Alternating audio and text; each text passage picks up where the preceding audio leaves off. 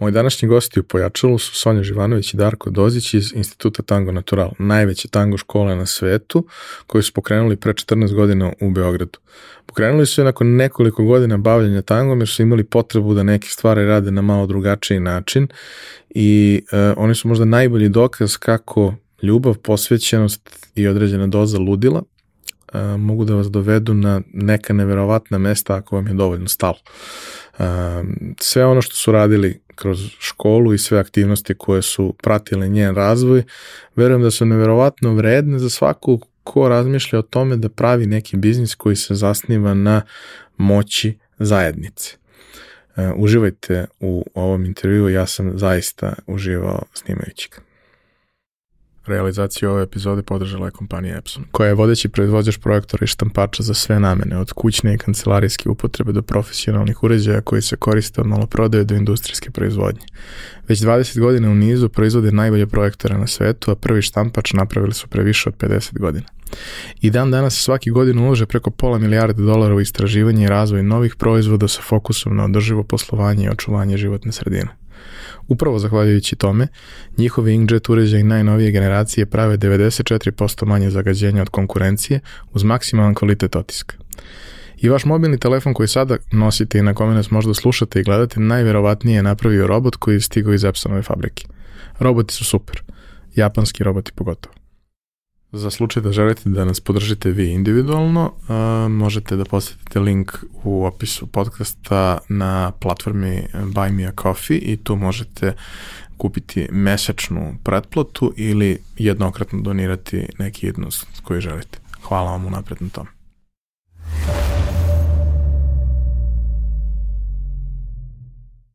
Dobrodošli.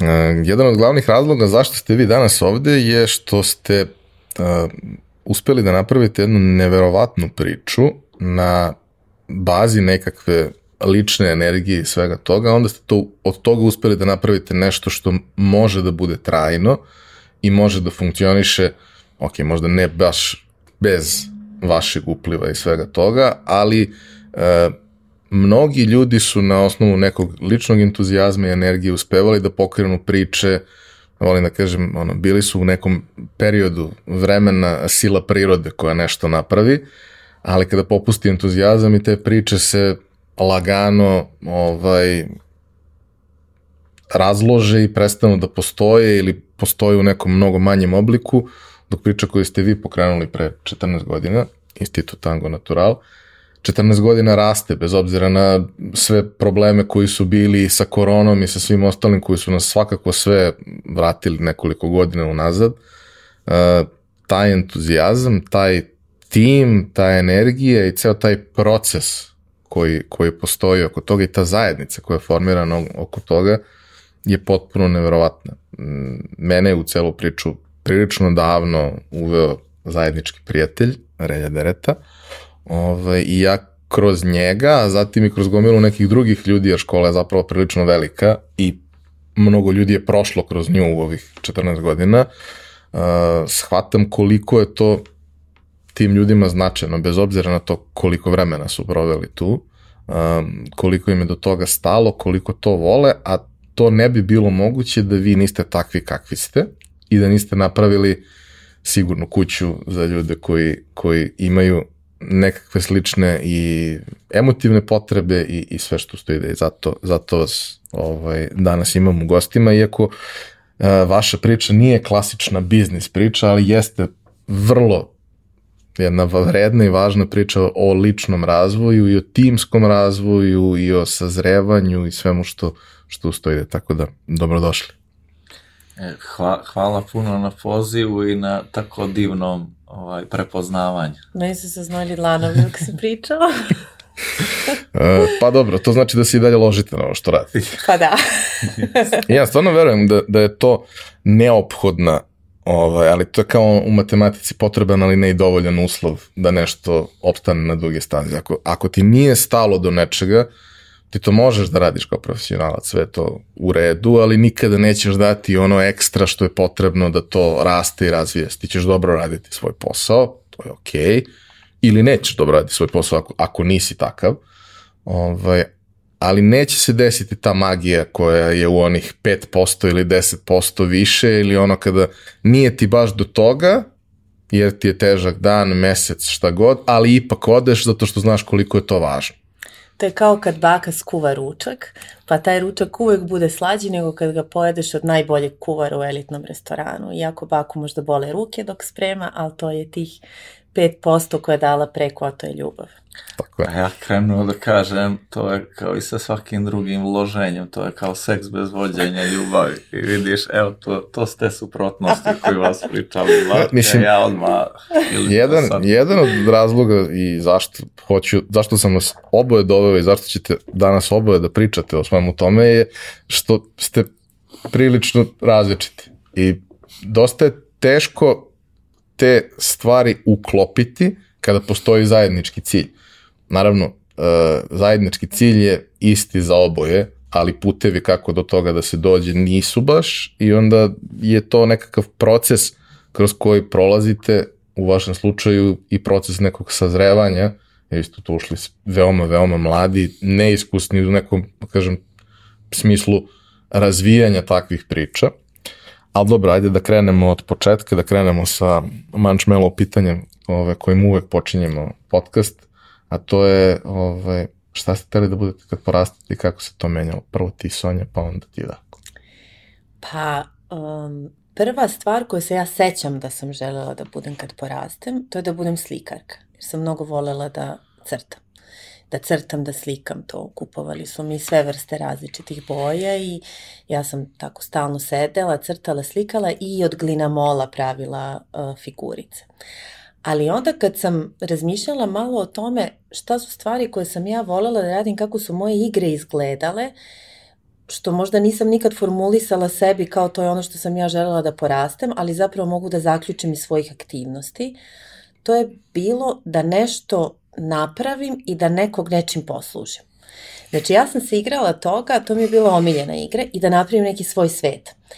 Uh, od kauča koji je imao one, onako kao, kao što ima deo za sedenje, pa su iza veliki jastuci. Ja te jastuke gurnem na ivicu, da stvorim sebi jedan prostor između zida i tog jastuka i ti jastuci ivica kauča su bili pult, prodajni pult za mene, a ja sam onda od papira sekla pljeskavice, parčiće hleba, pomfrit, kečap, to sam videla, to na ulici su postojali kiosci koji su prodavali tako stvari i onda sam ja to sve slagala, ne, pravila sam fišeke od papira i onda sa zamišljenim svojim mušterijama ja njih pitam šta oni vole, pa kako vole da ja to spremim, pa koliko da posunim, pa koliko da stavim bibera i onda ja to sve spremim i u taj fišek poređem i onda tako dajem ljudima. Eto, to je recimo igra koje Nisko se ulaganje, malo ulaganje, velika zarada. Pa, da, kad se postaviš, kad postaviš, ali ja sam mogla satima toga da se igram. Kao što sam mogla satima da sedim i da slikam i da crtam, mogla sam satima ovog da se igram, ali ova igra je u stvari došla pre tog pre slikanja i pre, prvo je bio glinamol i, i prodavanje tih stvari. Tako da uh, mi se čini, e onda nakon toga, uh, nakon toga je došla poezija, pa sam želela da budem pisac, onda su mi kupili neki mali klavir, pa sam ja sedela i tako svirala na tom klaviru neke svoje izmišljene kompozicije. Tako da je u suštini sve kasnije bilo vezano za umetnost. Na, na kraju sam glumu studirala i to mi je profesija, hronološki gledano. Ali, ali su moje prva interesovanje bila da nešto napravim i da nešto prodam. Eto. Ali očigledno da kroz sve to imaš potrebu da se izraziš kroz ono kanal Da. koji ti u tom trenutku Da. dostupan, pa se to kroz vreme menjalo i ti si saznavala nove stvari i dolazila u kontakt sa novim stvarima, ali uvek si imala tu neku potrebu za, za ekspresiju. A ti? E, pa, oko ja dosta rano sam počeo da čitam i kako sam se ono borio kao dijete za pažnju, da budem, da mi kažu da sam dovoljno dobar, ja mislim da sam i, da je to i ohrabrilo to, gledaj, on tako mali čita i ja sam mnogo čitao, zapravo mislim da sam pročitao to što je bilo odštampano na srpskom jeziku bajki i basni, jer sam išao bukvalno po kućama i što nismo mi imali, ja sam tražio, znaš, oni su i oni kompleti raznih, ne znaš, ne, španske, ruske, naravno ove naše. i to i, i strašno sam se mm, mislim, otkriću previše o sebi sad. Ovaj, Stani ali- razmisli sad. ne, ali taj neki moment tog nečeg, ne, ne, ne, ne nekog ba, bajkovitog razrešavanja stvari, tako da sam mnogo živio u tom nekom, u kombinaciji deseteračke poezije i bajki, a i to je bila, mislim, linija moga oca i te crnogorske tradicije i i njegove isto potrebe da mijenja svijet. Tako da sam ja strašno mali imao te neke grandiozne snove o promjeni svijeta. Terapija je pomogla. posle, među vremenu, to ćemo posle. Ovaj, a paralelno mislim da je ovaj community moment dolazio dosta od majke, jer je majka bila ta koja je jedna od rijetkih majki u Kolašinu koja je dozvoljavala da joj se prevrne stan i da sva djeca iz veoma ja sam mislio da, da zgrada uvijek mora imati puno djece, ja sad kad vidim moju zgradu u kojoj sam odrastao, koja maltene nema sad djece, ta smjena generacija, e tada je svaka kuća imala po dvoje, troje, četvoro djece i nekad smo skoro svi mi završavali u našem stanu. ovaj, i, i, I tu je počinio taj community, koji je onda pravio, ne znam, kućice, logore, svoje male biznise e, i mi smo, ne znam, mi smo imali najveću stripoteku, mi smo imali fabriku praćki i puške, pušaka na čepove i ovaj, e, tako da ali sa tom nekom vizijom šta biti kad porasne, ja ne znam da li sam se, ja sam zapravo već tada bio kao nešto smo igrali, imali smo jedan mali svoj svijet, pa smo se mi tu pozicionirali ko je šta, i, ali mislim da prvi put kad sam strašno poželio da budem nešto, to je da budem košarkaš. Mnogo sam se primio na košarku. I ovaj, i srećom da je ono bilo tih malih lokalnih nepravdi kao nešto zbog kojih sam prepo, pro, propao kao košarkaš, a zapravo nisam bio dovoljno talentovan, a ostao bih u tome. I ovaj, sad ne znam da ne idem dalje zašto i kako smo došli do tanga, ali ovaj, eto, nisam imao neku, zapravo to bila neka velika promjena od malih nogu, nisam imao neku jasnu ideju kao... I preduzetništvo, izvini, imao si firme za E, bio, prodaju bio, praćki. bio sam stvarno dobar preduzetnik. Mi smo jedno vrijeme izdavali biciklo koje je bilo jedinstveno, ono, 90-ih godina, nemaš nas, no, čitavu zgradu, imamo jedno, dva bicikla, naše biciklo nije imalo jednu pedalu. Se ono razvalilo i nemaš ni gdje da ga popraviš, onda smo mi vezali kanap na tu pedalu i ono je bilo izuzetno, ljudi, klinci su htjeli da probaju da voze jednom nogom, znaš, ono, kao ubaciš nogu i ti voziš i mi smo za sličice neke, bilo su neke sličice, znaš, izdavali smo to, jedan krug, sve, tako, ali kasnije sam ja potisnuo tog preduzetnika u sebi i nisam osjećao pravo na, na to. Ovaj. Koliko dugo si bio u košarci? Pa nekih 5-6 godina, ali to je moja ogromna strast bila. Ja sam čistio recimo snijeg zimi, sam, pošto nijesmo imali salu uvijek i dijelilo nas je masu neku malu školsku salu, ja sam donesem lopatu i kramp, razbijam led zimi na, na terenu i, i očistim, to, to je kolaši, mislim, to nije snijeg u Beogradu, i očistim teren i mi možemo da, da, da, da igramo basket.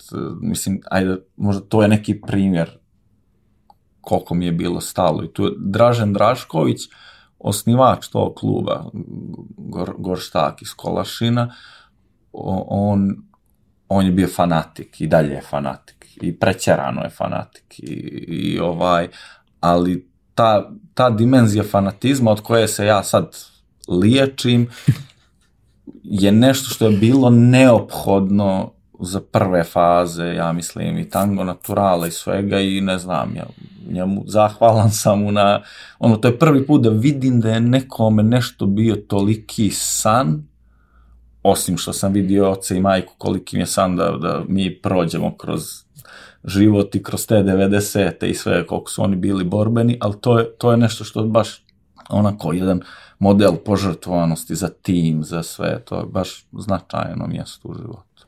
Imaš razne ljude i način na koji reaguju na, na takve ljude u svom okruženju ili širem nekom okruženju je različit. Nekim ljudima je odbojno kad vide tu količinu fanatizma, energije, svega, izgaranja, sagorevanja u tom procesu i mogu to da razumem. Mislim, prosto to može da bude uh, zastrašujuće. Ali ima značajan deo ljudi kojima je to bio potreban trenutak u životu, upoznavanje nekog takvog, da vide da stvari koje na prvu loptu deluju da nisu moguće, mogu da budu moguće, ako si malo lud ili malo više.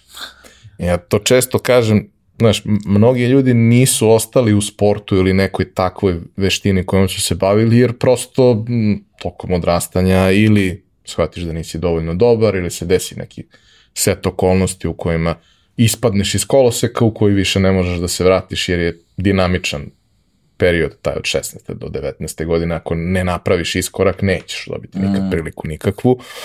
Ima ljudi koji se povrede, ima raznih stvari, ali kao to jeste u tim ono, formativnim godinama jedna jako važna stvar koja se ljudima u životu desi. Da prvo shvate da ono, prevaziđu taj moment čistog talenta koji te gura prvih šest meseci da budeš bolji od svih ostalih i onda te svi ostali stignu i onda ako neš da radiš za šest meseci oni su godinu dana ispred tebe. Prvo to, a s druge strane da zapravo to, tvoj lični angažman, cimanje, energija, trud, ponavljanje do, do, do one svešćivanja nekih stvari zapravo može da te dovede do toga da iako si iz male zemlje, malog grada, po ono, uh, po, po CV-u i po Excelu ne bi nikad trebalo da postigneš nešto, možeš da budeš olimpijski šampion, možeš da budeš evropski, svetski šampion, možeš da budeš deo nečega veličanstvenog. Mom slučaju je to jako puno značilo i to mi je pokazalo da kao, ok, možda ja neću se realizovati u sportu, ali u nekom drugom domenu takođe mogu da dostignem neverovatne stvari ako se cimam više nego što se cima bilo ko drugi ili 99% drugi. Dobro. A, Sonja nam je rekla i šta je studirala i kako je to išlo, kako je u tvom slučaju izgledao taj, da kažemo, iskorak iz nekog detinstva u nešto što je trenutak kad prvi put zapravo preuzimaš odgovornost za sebe. E, pa i, meni je važna faza bila u srednjoj školi kad to, k- taj prelaz iz košarke i to neko razočaranje, zašto nešto ja nisam, ušao sam već bio u prvi tim, pa nisam ubačen nešto u igru, ubačeni su neki moji drugari koje ma više nije ni bilo stalo, ali su se možda s nekim nešto družili, ovo ono, i onda sam ja odatle skl- skriznu, sliznuo ovaj u, u e, ono rock and roll uh, i, i sex, drugs and rock and roll, ali bez seksa. to je crnogorska verzija.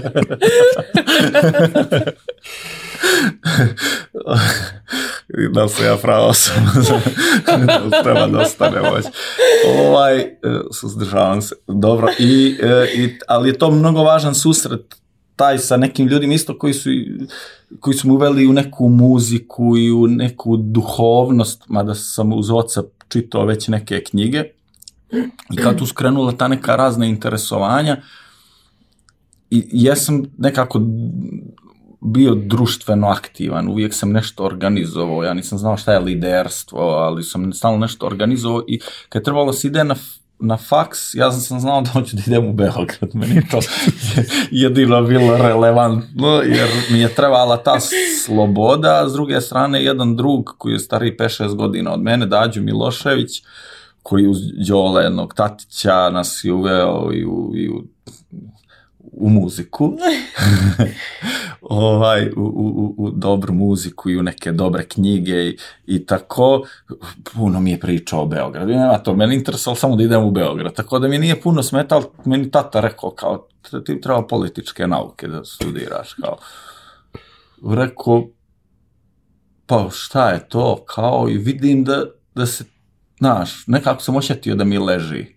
Znao sam, on je znao da bude naporan i uvijek je naporan kad nešto, ne, recimo da si mrtav, žedan, on ti nudi vodu, ali ti je tako nudi da ti u jednom trenutku se braniš, kažeš neću vodu. Ali ovo mi je baš ponudio onako, predivno mi je to ponudio.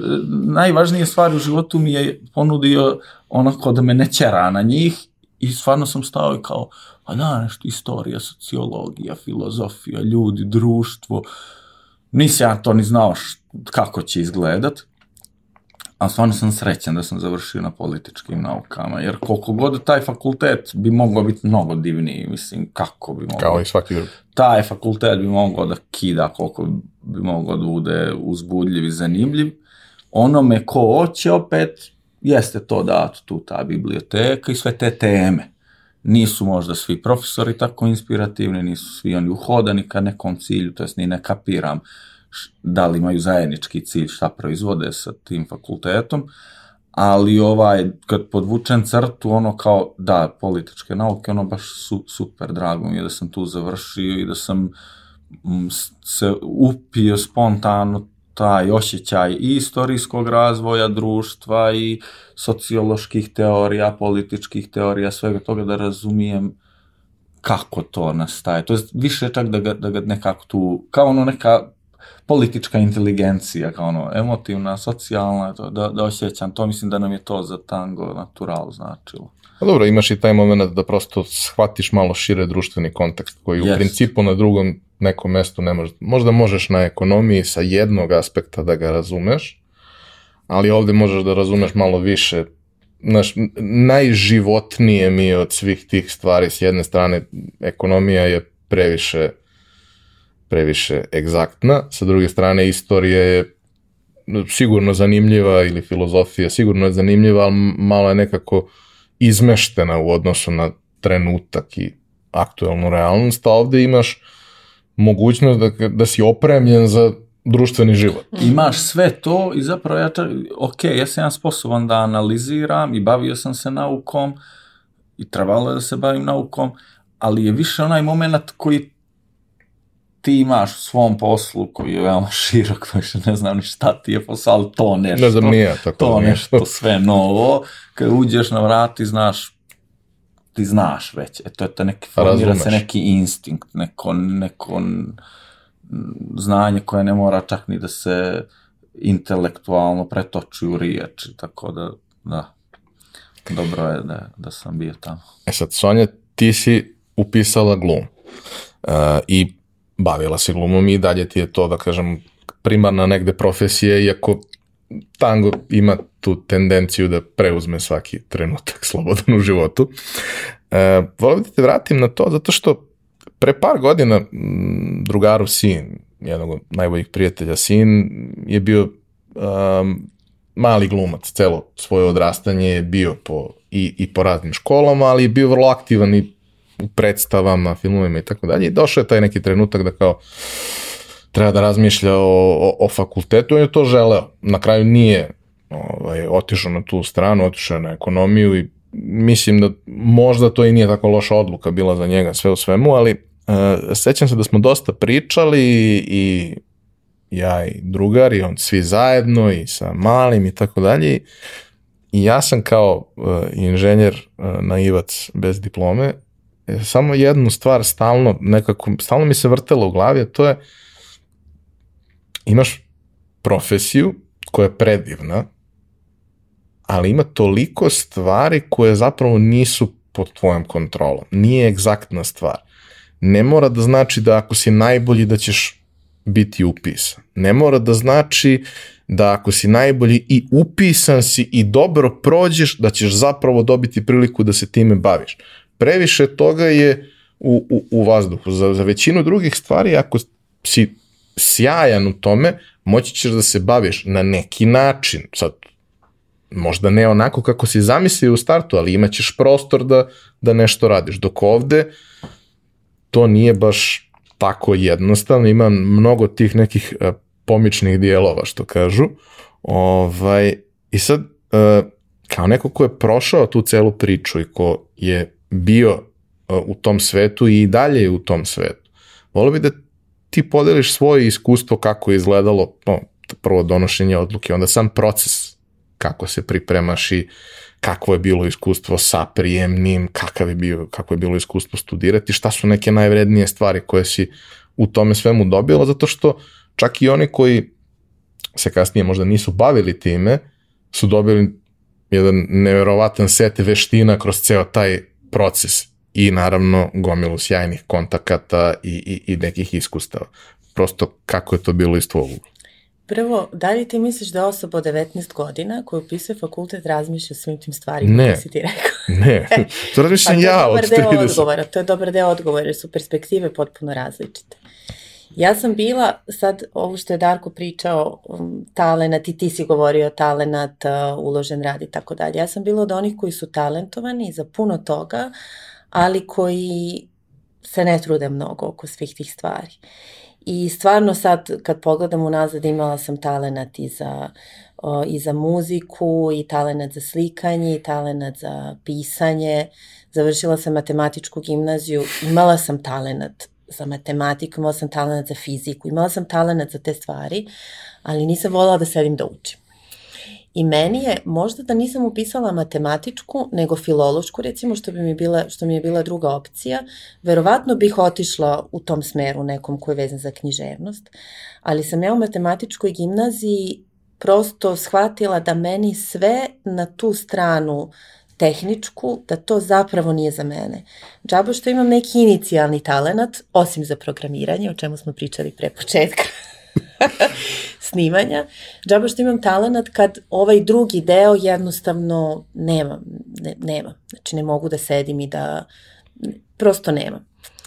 E onda kad se skloni sve to što je, sve to što je matematika i sve to što ide na tu tehničku stranu, onda ostaju ove društvene nauke i recimo ono što je na, u gimnaziji što je počelo da me interesuje su bile psihologija, istorija umetnosti, književnost, ali zapravo negdje išla sam u školu glume Bate Miladinovića i to je, tu sam osjećala da postoji nešto čega ja želim još. Jer kao da čitam mogu svakako sama, da pišem mogu svakako sama, da idem u muzeje, da gledam slike mogu svakako sama, ali da razvijam u sebi to moram negde sa nekim u nekom ambijentu i onda ostaje ili opcija da se baviš time amaterski ili da se baviš profesionalno i meni je delovalo da bi ja trebalo time da se bavim profesionalno. I uz svo odgovaranje porodično tate bio ozbiljno protiv toga kao neko ko je bio racionalan sa razumevanjem svih stvari koje si ti malo prenaveo On je video i moje druge talente i smatrao da bih mogla da se ostvarim kao pravnik, da bih mogla, da bi on mogao da mi pomogne recimo, da bih mogla da se ostvarim kao arhitekta, jer sam imala smisla za tehnička crtanje, uopšte za perspektivu, za estetiku, ali mislim, meni je bilo jasno koliko tu mora da se sedi i da se uči i rekla sam to stvarno nije za mene. Mama je podržavala u principu sve moje izbore i na kraju niko od njih nije bio protiv u, u smislu da kaže nemoj, ne može. Tata je pokušao sa svoje strane prilično diskretno, ali temeljno da me upozori na razne aspekte moje buduće potencijalne profesije i druge mogućnosti koje me čekaju ako se opredelim za nešto drugo, ali ja sam jednostavno izabrala glumu. Pokušala sam posle trećeg razreda gimnazije, nisam upisala I pokušala sam i posle četvrtog i rekla sam ako ne upišem, ja godinu dana idem na istoriju umetnosti pa se vraćam jer ja to hoću. Eto, to je više to bilo intuitivno u meni neki osjećaj i upisala sam. Posle četvrte? Posle četvrte, da. Kako su te pripreme izgledale? Pa to je sve prošlo nekom magnovenju. Ja sam nešto radila, nešto se spremala, pokušavala, na kraju uspela i studije su mi bile agonija. Agonija. Sećam se trenutka kad sam završila fakultet, bila je diplomska predstava, mi smo izašli, tu je bio sad kako se izađe iz sale, pa je hodnik i onda su neke, kao garderoba, pa onda garderoba ima uvek onaj pult, tu je bilo neko posluženje, pored je bio profesor dikcije, ja sam samo pritrčala, sipala jednu rakiju navila, sipala drugu rakiju navila i počela da plačem. I profesor kaže, zašto plačeš, Sonja, bila si odlična. Ja kažem, zato što je gotovo. Meni je bilo studiranje teško zato što nisam imala set karakternih osobina koji je neophodan da bi nekom takva vrsta iskustva bila la, la, lakša i bila uživanje. Jer u stvari um, taj set osobina koji mi je falio, koji mi je kasnije falio kad sam završila fakultet i kad je trebalo da počnem time da se bavim, to, je, to su neke društvene veštine u stvari, ja, većina ljudi za mene kaže da sam ekstrovertna osoba i da se fantastično snalazim u društvu, ali jedan deo mene je veoma introvertan i ja uđem u društvo ljudi koje ne poznajem uopšte, gde treba da se borim za svoj prostor, za svoje svetlo pod reflektorima, meni je to napor. Meni je to, ja ga u stomaku osjećam kao napor, nije mi organski i potrebno je puno puno energije da uložim u to i onda je zapravo u tom mom profesionalnom životu mnogo više energije odlazilo na taj deo umesto na ovaj drugi deo. Ne bi trebalo da bude tako. Činjenica takođe da u Srbiji, pogotovo u to vreme, ja sam sad dosta izašla iz toga pa ne znam kako sad baš skroz funkcioniš, ali uh, nisi imao agenta koji se bori za tebe, nego ti treba da budeš svoj agent, u isto vreme treba da, treba i da radiš na razvoju svojih veština i da radiš na projektima koji dolaze i prosto puno je tih stvari. Meni je to stvarno bilo teško. Ja nisam dobro radila taj deo posla, a to je nešto što počinje da se radi već na akademiji. I što je većina ljudi sa kojima sam ja studirala, nisu svi, ali većina njih je imala. I onda u tom, u tom okruženju u kom su ljudi bili zapravo ekstrovertniji od mene i tako u tom smislu snažniji od mene. Ne, prodorniji. Ne, prodorniji od mene, sam ja imala mehanizam, mehanizam povlačenja. I to me baš na dnevnom nivo, nivou mi je smetalo. Jer nije bio problem ni da sednem, ni da čitam, ni da učim, ni da vežbam, ništa od svega toga nije bio problem, ali je bio, bio problem okruženje samo po sebi bilo problem. A znala sam da će mi to biti velika prepreka kasnije u, u poslu i to je onda kao nešto što ja treba da prevaziđem u sebi, ja ne znam ni kako da prevaziđem i iz dana u dan imam onaj napor koji moraš da uložiš kad se probudiš ujutru da bi otišao da bi nešto radio. Tako da meni stvarno bila teška akademija. Uz naravno puno lepih trenutaka i svesti o tom setu veština koje sam dobila i koje su mi mnogo značile u ovom poslu kojima se mi bavimo, a to sam naravno tek shvatila kasnije kroz, kroz situacije. I žao mi je recimo jer je gluma kao, kao sam, sam taj deo posla, ako ga izolimo od svega ostalog je nešto što ja zaista volim i nešto gde osjećam da postoji, da taj kanal u meni radi i da ja mogu tu da se izražavam, ali džaba.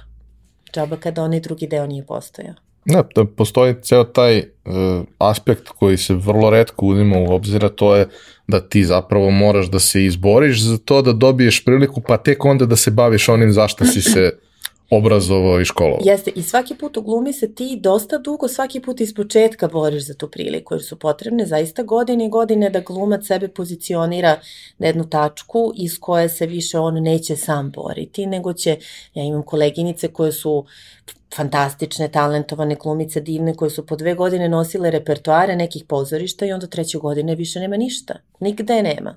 Nit pozorište, nit film, nit serije, jer dugo je vremena potrebno da čovek stalno iznova i iznova i iznova sebe dokazuje, promoviše, pozicionira i tako da dalje. Da dođe u poziciju da, da neko njega traži yes. ili nju yes. i onda i to kada dođeš u tu poziciju, imamo brojne primere, da je dovoljno da jedan projekat izabereš pogrešno i da ispadneš potpuno iz, iz tokova za neki naredni period, posebno u, u, u tom, da kažemo, vremenskom okviru o kome pričamo, uh, kada je bilo mnogo manje prilika. Sada, ne znam, skoro sam baš dobio tu informaciju, istražujem tako s vremena na vreme jer mi je zanimljiv ono, ceo taj fenomen masovnih medija. No, u jednom trenutku je snimano 40 serija na srpskom ili nekom ovom da, da, našem zajedničkom jeziku. drastično, drastično povećala. I onda naravno da ima prostora za mnogo više ljudi i kontrola kvaliteta tu dosta ispašta u celom to, odnosno kvalitet ispašta, kontrola kvaliteta je mnogo, mnogo niža, jer prosto hiperprodukcija dovodi do tako nečega. Broj filmova, koprodukcije i svega je takođe značajno veći nego što je bio pre 10 ili 15 godina. Nisi ni imao toliko prilika za, za to da se iskažeš, a šansa da te neko primeti je zapravo bila vrlo mala. Ovaj, uh, šta je tebi tu bilo, uh, odnosno, ajde da, da, da te vratim na jednu stvar koja mi je nekako uvek bila tu fascinantna. Znaš, kad uh, se baviš nečim što je egzaktno, gde postoji set pravila, način ocenjivanja, se baviš gimnastikom, ti kad završiš svoj nastup, znaš, može da se desi razlika od 0,01% u oceni, ali ti znaš šta si tačno uradila i kao to je to. Znaš da li si prošla, ne znaš da li je to dovoljno dobro jer zavisi i od ostalih koji mm. učestvuju, ali znaš šta si ti uradio. Na neki način znaš da li si položio ili nisi.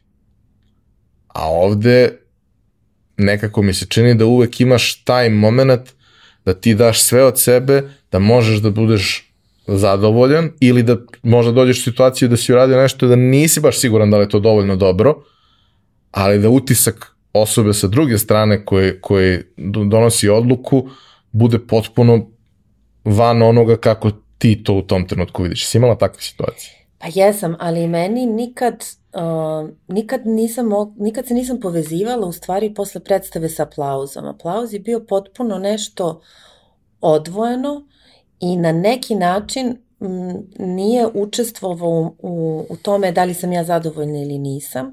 Da li sam zadovoljna ili nisam je zavisilo isključivo od mog osjećaja dok se to nešto dešava. Jer ti kad radiš dobro, to je živost i život u trenutku i ti osjećaš da li si stvaran ili si fake. Ako sam fake, meni to ne donosi zadovoljstvo. Posle mogu da aplaudiraju koliko god hoće, ja ne idem kući zadovoljna. Ali ako na sceni u tom trenutku sa partnerom u tome što radim osjećam da je to stvarno to. To je doživljaj koji se rodi u mom telu koji je meni najveća nagrada i valorizacija mog rada. To je, meni je to uvek bilo, to, to mi je bio reper nekako. Mm, jer, to je, jer to je nešto stvari, što te gura u suštini To je nešto što me gura i to je nešto što me je i vodilo da se time bavim zato što sam se Sećam se to kao, kao klinka u školi kod Bate Miladinovića, kako izgledalo kad nešto, kad dobro uradim neku vežbu, koje, koja je to vrsta osjećaja. To je nešto stvarno posebno, jer je, ti si u životu svom stvaran, ali to je kao, nije stvarno, ali je stvarno, jer ti si kreirao, iskreirao si nešto što, po, što nije realnost, ali postaje realnost u tom, tom trenutku. Kao stvaranje nekog života u životu, nad života. Ne umem to skroz da objasnim. Ali je... Stvorio si svet koji sada ljudi koji su prisustovali veruju. Ali i ti veruješ u njega u tom trenutku. Ti dok ti znaš da je to igra dok se dešava. Ali u isto vreme ti sam veruješ u tu igru. Pretpo, ne sjećam se, kad sam, mislim, ne sjećam se osjeća kad sam bila klinka skroz, ali kapiram da je to ono kad, kad se deca, kako se deca uživljavaju dok se igraju. Zašto deca vole da se igraju? Zato što se uživljavaju, zato što poveruju to stvarno se iskreira se neki novi svet unutar tog sveta. E sad ti znaš da je to iluzija, ali u isto vreme to postaje stvarnost i to je stvarno magično. Uh, sećam se, pre par godina sam pričao sa, sa prijateljem koji je vrhunski muzičar. Ovaj, I posle nekog koncerta sedimo, pričamo i sad, ono, na sceni on jedna osoba, u backstage je druga osoba i to je ono kao pljuga, viski i depresija. Ja kažem, brate, zašto si nezadovoljan? Bilo je fantastično. Nije, znam ja da nije, ali kao imao si aplauz koji je spektakularan. Oni ne znaju ništa.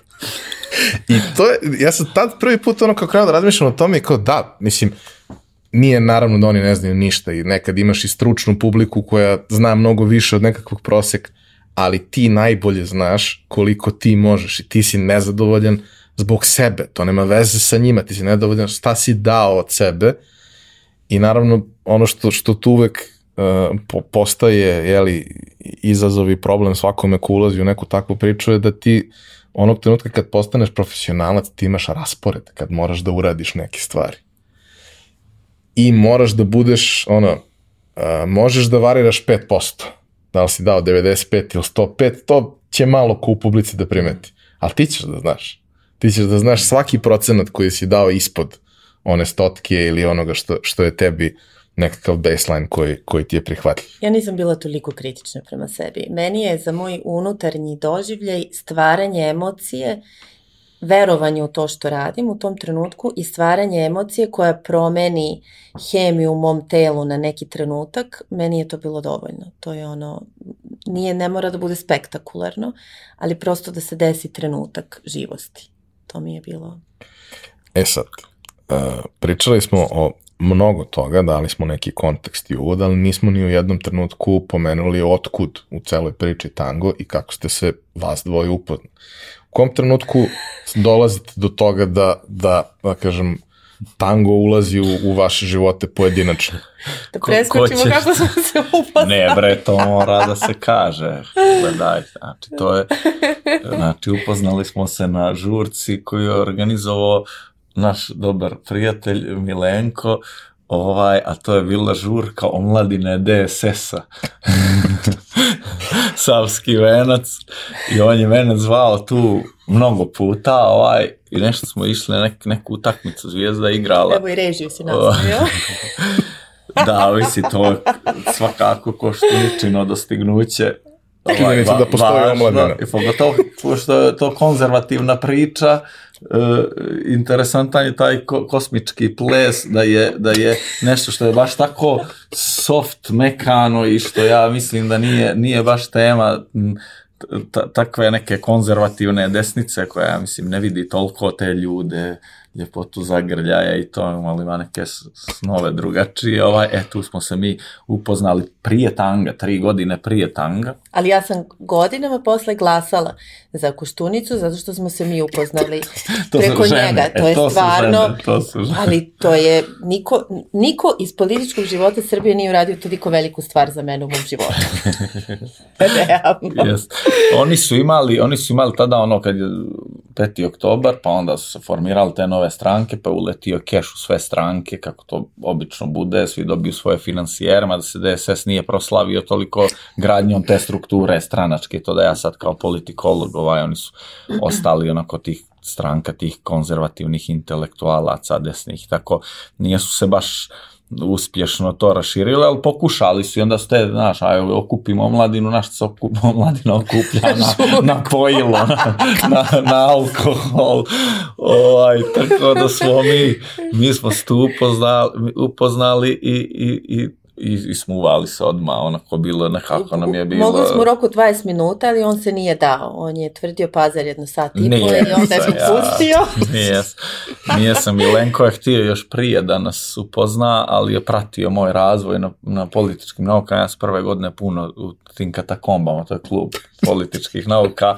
Ja sam toliko pio da sam ovaj, ka, pošto nisam dao jedan ispit, pao sam engleski, mislim, pošto engleski sam bio katastrofa, to je bilo mučenje, samo sam pokušavao se, ja sam borben, to je ovo što sam iz gorštaka iz kolašina donio, i, ta, ta da, nesrazmjera moje borbenosti i mog neznanja, ono, otprilike samo sam aj i a, o a, ništa nije znači a je ja, kao pokušavao sam da počnem rečenicu i kako sam pao, to ja sam rekao tati da sam pao ovaj, da sam pao engleski, bio je jun, nešto i on je rekao ti si pao godinu. Pošto je tako, valjda za njegovo vrijeme su oni morali, nisu oni imali, valjda rokovi to. ili Da li ono- oktobar, 1, ne, 2, to 3, je, 4. ne, nego, pošto je on morao posle tog junskog roka, kad je valjda čistio sve da kosi na crkvine na selo, ovaj, on meni rekao, pao si godinu, ja sam tada upoznao Veru Rsovac, ovaj, posle smo znali u katakombama zajedno biti ona ta, za, ova služba studentska bila, ja došao u jun da o, sam sa idejom da sam pao godinu otprilike. To je bilo na, na, na, tom nivou ovaj, e, A ostalo si sve položio? ja sve položio, razumiješ?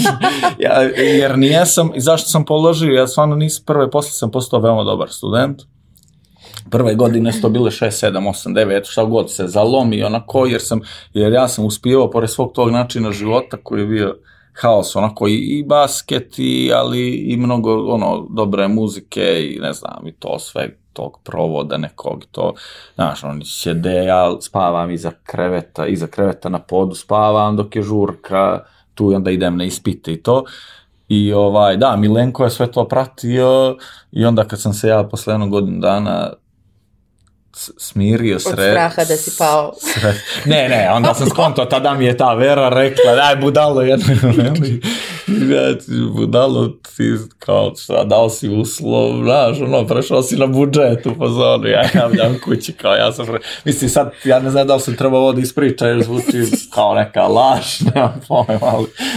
Ja, znam. kogod prati tebe prethodnih godina zna da si ti tako ovaj, preterano iskren i neposredno. Ali, E, znaš kako, mislim, ta, to, to što se dešava nije jedinstveno za tebe, to je nešto što se dešava mnogim ljudima koji nisu prosto u tom okruženju prošli nekakav period. Znaš, jedna stvar je kad ti u kući imaš starijeg burazera koji je dve godine stariji od tebe i ti, brate, pratiš njegov put sve vreme i uvek imaš da pitaš i njega, i ako nije upisao isti fakultet, on ima neko ko je upisao, pa se posavetuješ, pa pitaš. Ali kao u tvom slučaju ti si došao iz Kolašina u Beograd, to je dovoljno da čovjek poludi. Mislim, realno. Čak i kad, do, Bila kad, kad, si, kad dođeš sa Novog Beograda u stari deo grada, to je dovoljno da čovjek poludi. Ja svaki dan, evo. Ovaj, ali kapiram kao kolika je to izmena i samim tim dolaziš u nešto gde jel, postoji ozbiljan set obaveza i nekakvih očekivanja koje moraju da budu A ispunjene. Ja sam iskren da budem učio da bi ostao u Beogradu. Meni je Be... t... i prva godina, prva godina. Znači, ali z... z- Posle kaži, učio si da bi ostao u Beogradu zbog mene. to će pos... posle sam ostao kad, kad je, E, da, to. kad, mi... kad sam imao ponude da se vra... da budem asistent u Podgorici. I ti Beograd stavi na, drugo, na drugom tasu. Ovaj, e, Prevagnut. E, A, to sam rekao profesoru Ivu. E, da, da, bi, bilo je, bi, Beograd je bio ogromna inspiracija i zapravo svi su mislili da, da, će, da, da će da mi to presudi ovaj be, naš, tako nemiran sam bio u Kolašinu, iako sam bio dobar đak i onako ono neki, znaš, duga kosa, neke minđuše, rock'n'roll i sve, i sve ovo prije što smo rekli. I, i, i to i, i ovaj, ali je Beograd donio baš to da ti vidiš da, aha, postoje ljudi, postoje community, donije i razočaranja, pošto su Beco i Đole i Dađo bili super i slušali su dobru muziku, ja sam zaključio da svi ljudi koji slušaju dobru muziku, pošto su to, to bili jedini ljudi oko mene koje sam ja znao da slušaju dobru muziku u Kolašinu 90-ih, moj zaključak je bio da svi ljudi koji slušaju dobru muziku su dobri ljudi. Onda sam otišao u KST i potuko se sa nekim skinsima i, znaš, zapalili me za kešovi i oni, oni, oni, oni shvatio da moj dokaz ne, nema mnogo veze sa vezom i da, znaš, postoje kao trash ljudi koji slušaju dobru muziku. Ali to je stvarno tako, ja sad zvuči kao zezanje, ali ja stvarno bio ovaj, i kao što sam se strašno zaljubio u djevojku koja slušala Pink Floyd i pila veliko pivo, za mene je to jasno, e, to je to ludilo što kažeš, dođe klinac iz Kolašina i kao ona sluša Pink Floyd, ja sjetim mojih drugarica koje voli iz Kolašina, ali koje stvarno nije su bila ta priča, nisam nikad se mogao s njima povezati, ni smisao za humor, ni muzika, ni to. I ova umire na moje fore, pije pivo i sluša Pink Floyd.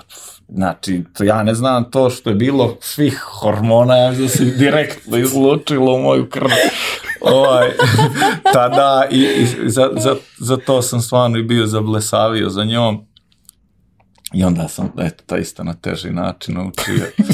To, ovaj, da, ali... Uglavnom, upoznali smo se mi na žurci Yes, DFS. da, upoznali smo se Da. na žurci DSS-a i, i, i ovaj i, i počeli smo da, da mi, mi, tango se desio tri godine kasnije, ali mislim da, da, da ta snaga našeg odnosa koja se formirala zapravo se formiralo nešto predivno u našem odnosu a istovremeno mi jesmo negirali, mi se nismo posvađali, tri godine se mi nismo posvađali. Mi smo se prvi put Ne posvađe, posvađali. nego poričkali se nismo tri godine. Mi smo, se, čast. mi smo se prvi put posvađali posle ovaj kad smo krenuli da plešamo tango. Jer je tango iščačko iz nas ono što smo mi kako da kažem, Pa, neka... hteli da sakrijemo, da ne, ne voliš da vidiš ono Da. što ti se ne sviđa i ne voliš u odnosu da vidiš ono što ti se ne sviđa i Guraš po tepih dok god možeš da gurneš po tepih, to je mehanizam velikog broja parova. Pa je onda samo Da, pitanje... možda malo i ovog okruženja. Pa da, raznih stvari. Raznih stvari, ali tango je to stvarno pogurao. A otkud tango uopšte? Pa ja sam krenula prva da plešem tango, drugarica jedna s kojom mi smo bile zaluđene teatrom pokreta Jožefa Nađa. Pratile smo to puno, išle na radionice i htjela mi da pravimo nešto, neki naš projekat. I Bojana u jednom trenutku i na tako smo razne išle radionice nekih, uh, buto plesa, nekih tako raznih stvari. I Bojana u jednom trenutku krene na tango onako, kao hoće da pleše nešto. I kaže, Sonja, moraš da kreneš na tango, to ima puno elemenata koje, koji bi nama bili dragoceni za, za taj projekat koji hoćemo da radimo. Ne sad da nas dve plešemo tango, nego prosto kao elementi. I to ona meni govorila neko vreme i ja posle par meseci se upišem na tango. I odem u školu ples, odem u ruski dom koji ima između ostalog i tango, ali tango koji su oni tad podučavali nije bio ovaj društveni argentinski tango, bio je više kombinacija, to su bili kursevi mesečni sa nekim gde su se učili napamet neki koraci na neku muziku argentinskog tanga i meni se i to svidelo. Znači, to nije imalo u sebi elemente ove stvarno društveno ples, ali meni se i to puno svidelo. I htela sam da i Darko pleše, onda bilo mi je kao cool da nas dvoje zajedno plešemo, ali sam znala da je on tip osobe koje, koju ako krenem da guram u nešto, stvorit će se odmah otpor. I onda ja njega nisam, uopšte nisam u njednom rekla kreniti na časove tanga, nego je bila fora, mi se nalazimo u gradu, pa kao ajde bolje dođi da me pokupiš sa časa tanga, da ne bude da se čekamo negde na ulici, lakše ti je jer je on živeo u 4. aprilu tad, pa dok on stigne do centra grada, nikad ne zna kada će stići. I tako se me njegu stvari navukla da on dođe na taj čas tanga prvi, da on malo vidi kako, kako to Dolazio njemu sam više izgleda. I puta onda je, tamo sjedio sa strane. onda je on dolazio, čini mi se sve malo ranije i ranije, da malo duže i duže gleda. I na kraju kad se završio taj tromesečni kurs, oni nisu dalje imali više ništa.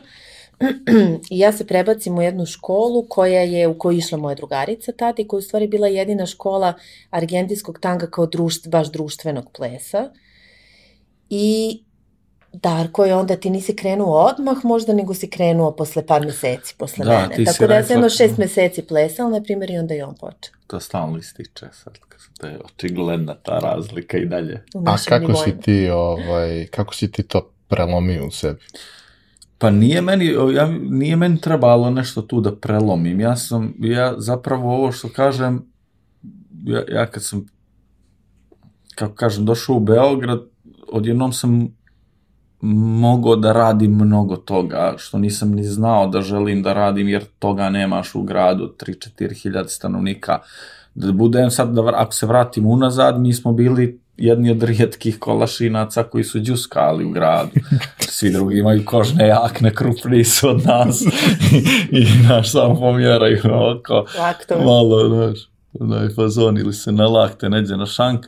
Mi smo ono džuskali, Beco, moj najbolji drug i to i mi smo baš vo- voljeli smo da džuskamo, da se onako, kažem, izražavamo na neki način i znam da smo u toj godini mature, da sam ja volio da plešem sa ženama, a zapravo je mene pr, moj prvi ples je bio kad su mažoretkinje iz, iz, iz, iz Boke došle u Kolašin i bio je neki događaj i oni su pr- pravili, bio je maskembal i ja sam bio jedini kolašinac koji je učestvovao u tom maskenbalu, nisam imao nikakvu masku, ali sam nešto napravio kao od ono, znaš, najklasičniji od, od, od, od čaršafa, bio sam neki duh ili Ku Klux Klan ili ne, nešto sam bio Nešto tako i oči, i sa, a kolašinci su bili, to je hotel Bjelasica, sad Bjanka, oni su bili s druge strane, kroz ono staklo su gledali maskembal, znaš, gde sad stvarno predstavljam moje sugrađane, nisu, oni su kulturica ljudi, kolašinci su kulturica ljudi, će ver Crne Gore, ali kulturica, ali na priču i sve znaju šta je i njihovo pozorište i njihova umjetnost su kafane i tu, tu neviđene fore idu tu je, znači, oni sofisticirani su stvarno u prosjeku, ali da učestvuju u nečem je malo teže. Znaš, to sve, sve kukaju što nema nečega, ali kad dođe ne učestvuju. I zašto sad ovo pričam, to je prvi ples, jedna Saška meni ovaj, Kako se pamte ta imena? E, ali objasnit ću zašto. Zato što je, šta se događa, uzima mene Saška i uči, ja to je moj prvi ples. Zapravo, moj prvi ples je bio sa majkom, kad smo slavili novu godinu, kad nas ovi iz drugog ulaza nisu pozvali jer nemamo Air Max patike, 90-ih katastrofa, to sta mo, moralna posrnuće, onda sa Saškom i onda sam ja plesao mnogo za, za matursko, sam mnogo plesao sa djevojkama, nešto, nešto veze s vezom, ali jesam se usklađivo. I onda u Beogradu sam kao, aha, društvena promjena, rad na sebi, krenuo sam, znači tam puno o tjelesnoj psihoterapiji, krenuo o duho, duhovnošću, nekom sam se već dosta bavio, e, ovo bila je da, ovo sa političkih nauka, išao sam na penjanje, sport me interesuo sve. I onda sam ušao na čas tanga, nis, bio sam već ono šizofrenija, kako sve, da, kako sve to što mi Beograd nudi da probam, a hoćeš i da izlaziš, a hoćeš i ovo i ono, i onda kao, wow, to tako me pogodilo ono jasno, oko, bum, kao sve na jednom mjestu ono sve istraživanje i sebe i drugog i odnose i gradnja zajednice i uh, kultura i znaš ono možeš i kulturološki da uđeš to fenomenološki da ti je strašno interesantno i muzika koja pokreće. Sve ja sam znao da ću se baviti time na prvom času znači bukvalno sam znao. Znao i onda potisnuo ali sam osjetio kao eto baš me uzeo. I naš učitelj Dragan Mikić ovaj on je on je tu strast baš prenosio dobro baš je to nešto, ne znam, ja se ne sjećam šta sam naučio, ali tehnički, ali to, ne, to nešto. Ja, mislim da je tu glavna stvar da ti neko ono, usadi to zašto, a da ćeš Zašto? tehniku naučiti kroz, kroz vreme. U ostalom, ja se ne razumem, ali ljudi koji se razumiju su mi objasnili da u tangu ne možeš se pogreši. Pa, Mislim, ja bi našao od načina, ali... Zavisi od filozofije, tango strašno budi u nama perfekcionistima, to jest nama liječenim perfekcionistima, ne neuspješno liječenim perfekcionistima, on, on, on bu, jer, jer ti možda osjetiš šta je to savršeno nešto tangu i sad možeš ili da se ono prepuštiš i da shvatiš da je zapravo predaja svojoj ljudskosti i nesavršenosti savršena na jedan drugi način i onda kad puštiš stvarno na taj način, onda sva, sve to što liči na grešku ti možda pretočiš u novi pokret i da improvizuješ, ali ako imaš svoju striktnu ideju kako bi to trebalo da izgleda i ne prihvatiš intervenciju trenutka koja kaže, e neće izgledati tako, nego se boriš da ti budeš taj koji kontroliše ples i ništa drugo na njega ne može da utiče, onda to patnja ozbiljna. Ali to- je, mislim, kao i život. Ti možeš da, da se trudiš, da sve isplaniraš džabati, kad se stalno dešavaju neke drugačije stvari. Yes. A otkud uopšte želja da, da pokrenete neku svoju priču iz toga? Ko, ko će? Uf, ima tu, ima puno stvari. Mislim da o, ne, tu ne može da se ne spomene š- šta smo radili godinu dana pre toga, jer mi smo otvorili školu 2008. godine, 2007. od 2007. negde smo bili aktivno uključeni. Ja sam duže, bi- ja Ti si naš duže, ja sam se priključila tako negde 2007. u revitalizaciju najstarije zelene stranke i mnogo nam je bilo stalo do toga kao um, ideje nam je bilo mnogo stalo do toga i stvarno tad smo, eto ja nisam imala nikakvo iskustvo i nikakvo znanje iz politike, ali za mene to nije bila politika, to je bila društvena promena koju sam ja želela i to su bile vrednosti u koje sam ja verovala. I ja sam se Darku dosta, on je prvi krenuo, ja sam mu se dosta onako pri, priključila svemu tome i sećam se da smo mi te godine na, na lokalnim izborima u gradu bili prva stranka bez ikakvih financija, znači ni, nikakav novac nije pomogao da se to dogodi, koja je bila, nismo dobili mesto, ali smo bili prvi ispod linije. I iznad nekih Za ozbiljnih... Parlament. Da, i iznad nekih ozbiljnih organizacija, političkih stranaka koje su imale i svoje, svoje financijere. I uopšte taj osjećaj društvenog aktivizma, u stvari, a tango u sebi, kao što je Darko rekao, nosi veliki potencijal upravo za to. E sad, ekologija nije samo nije samo to što na prvi pogled deluje da je, da je kao ekologija vezano za od, održavanje životne sredine u smislu, ne znam, đubreta, održivog razvoja i tako dalje. Ekologija duše je ono, ono, ono što tango donosi u stvari. I mislim da je, to, zapravo znam da je da je sa moje strane to odigralo, odigralo veliku ulogu, da kad smo krenuli sa tangom stvarima pristupimo na taj način i sa tom strašću i sa tom energijom. Pogotovo što smo mi u momentu kad smo otvorili školu, tu je naš politički angažman je bio na vrhuncu i izašli smo kad smo shvatili da, to si ti malo pre rekao, da je politika politika i da sa nekim stvarima mi nismo mogli da se izborimo, ali je ostala ta količina žara i želje. I ona se samo preusmerila na nešto drugo što je u sebi nosilo potencijal isto za tu o, društvenu promenu. Mislim da je to sad ovako na opštem planu mislim objašnjenja, da tu, možemo da pričamo i hronološki. Mislim da tu postoji još jedna, još jedna bitna stvar, a to je da kroz ceo taj proces koji ste prošli sa, sa zelenom strankom ste prvi put u nekom svom relativno odraslom dobu imali zadatak da nešto organizujete što nije nas par drugara se dogovorimo pa nije bitno da li će da se desi. Ovde je bilo vrlo bitno da se određene stvari dese jer su bile preduslov da može yes. da funkcioniše nadalje. Ovaj, I onda kad, kad prođeš to i kad vidiš šta zapravo možeš da napraviš, onda to otvori mogućnost da kreneš u nešto drugo.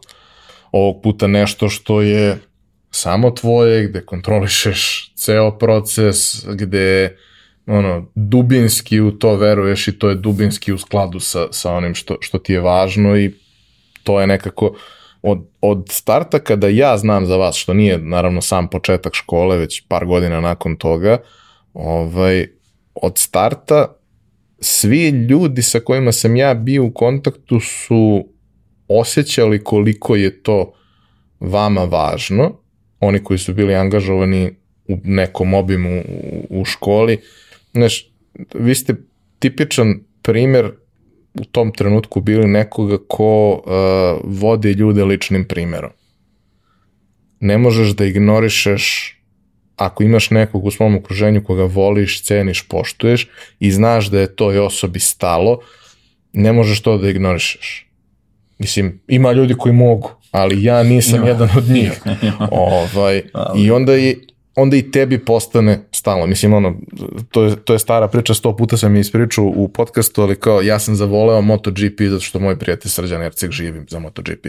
Mene MotoGP ne zanima uopšte. ali jednostavno tu količinu ljubavi, strasti i e, sposobnosti njegove da to prenese i proširi i dati kontekst i dati nađe ti ono nešto zašto ćeš ti da se zakačiš. Znaš, postoji, ja ću da se zakačim za tehnološki aspekt toga, jer mi je zanimljivo da je neko napravio nešto na šta sedneš i to ide 400 na sat, a malo je. I dobro, možda pogineš, ali okej. Okay, ovaj, ali možeš da se voziš. A možeš i da se voziš, a možeš i da gledaš druge ludake kako to rade, ne moraš ti to da radiš. Što je u mom slučaju dosta bitno. Ja ne volim te, te, te stvari koje kad stanu, padnu na stranu. Znači, ja, ja mislim da mora da ima bar tri točka da bi ja mogao da ga vozim. Ovaj, ali dobro. Uh, taj neki moment koji ono, nađe to nešto u tebi, upaliti tu neku iskru i onda ti podgreva tu iskru non stop i terate da nešto, da nešto pokušaš da promeniš i terate da sebe challenge-uješ i ono, izađeš iz zone komfora, uđeš u jedan potpuno novi, novi svet. E sad, u tom trenutku kada vi krećete sa tim, to je 2008. godina, uh, kažemo, i, i, i, i društvena situacija i količina sadržaja koji su dostupni u Beogradu i način na koji prosto uh, se informacije šire i dele, dolaze do ljudi dosta drugačiji nego što je danas. U nekim stvarima bolji, u nekim stvarima mnogo primitivniji nego što je, što je to danas slučaj.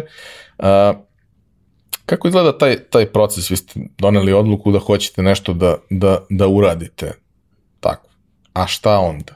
Pa, šta, šta je sve bilo potrebno da se desi? Da, možda je ovaj jedan mali dio konteksta isto koji je važan je da je Sonji tada kretala i razvijala se glumačka karijera sa svim tim pričama, izazovima o kojima, koje ona takla prije, ono, naš, u, uspješnim aranžmanima predstavljanja sebe ili možda i neprijatnim situacijama i tako da ja sad ne uzimam to šta bi ona pričala o tome i šta, šta želi da izrazi na tu temu.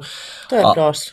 Da, ali, ali ovaj, recimo s moje strane, ja sam bio crnogorski državljanin i dalje i e, htio sam, ali politički angažovan u, Crno, u Srbiji kroz ovu zelenu stranku. Ja mislim da to neđe prepoznato, ja nisam mogao da dobijem državljanstvo jedno tri godine. Pa mi smo dobili znači, jer sam informaciju, bio... da. mi smo dobili informaciju da je, da je njegov zahtev u DB-u stao. Znači, ne u DB-u, nego ko je neka provjera koja je išla, da je, e, neka služba je nešto, jer smo bukvalno visoko, baš tri godine ja nisam mogao da dobijem državljanstvo, iako sam ja bio, ja, jer sam bio politički aktivistički uključen i u Srbiji i u Crnoj Gori, nekako sam svuđe bio neka opozicija i to je ovaj, izgleda da je to bilo neđe prepoznato, jer znaš, tri godine dubiš ono i dođeš, dođeš do, do, do nekih ljudi baš visoko, ti to provjera i kažu nešto je stalo. Ja trebalo je da radim na institutu za međunarodnu politiku i privredu, jer sam se bavio naukom, bio sam jedan od, kao student na spisku, ajde da kažem, osnivača ovaj, udruženja za studije SAD sa profesorom Simićem. I to naravno mnogo nebitniji igrač od njih, ali eto, učestvovao sam u nekim njihovim projektima i to. I onda sam imao neke ponude isto za privatni institut profesora Hadžića, pa Ivo Visković da budemo asistent u Podgorica, sam izabrao Sonju Beograd. Sonja, Sonja. Ne, Sonja mi je prva pala na pamet. Ovaj, um, i kao ne moš ništa to, ne, ne moš ni ništa to, možeš ovo ovaj privatni institut, ali to nešto nije, imao je neki razlog. I kao, a Sonji ovam ovi izazovi, i kažem, pa, ali, ali mi tango, vrata, najviše volimo, realno. Znaš, onda mi se vraća ono sa prvog časa, kad sam ono samo zastokao u nekom filmu, bio očaran, prošlo. To nismo mi rekli, to si to, ti rekao. Da, jest, jest, istina.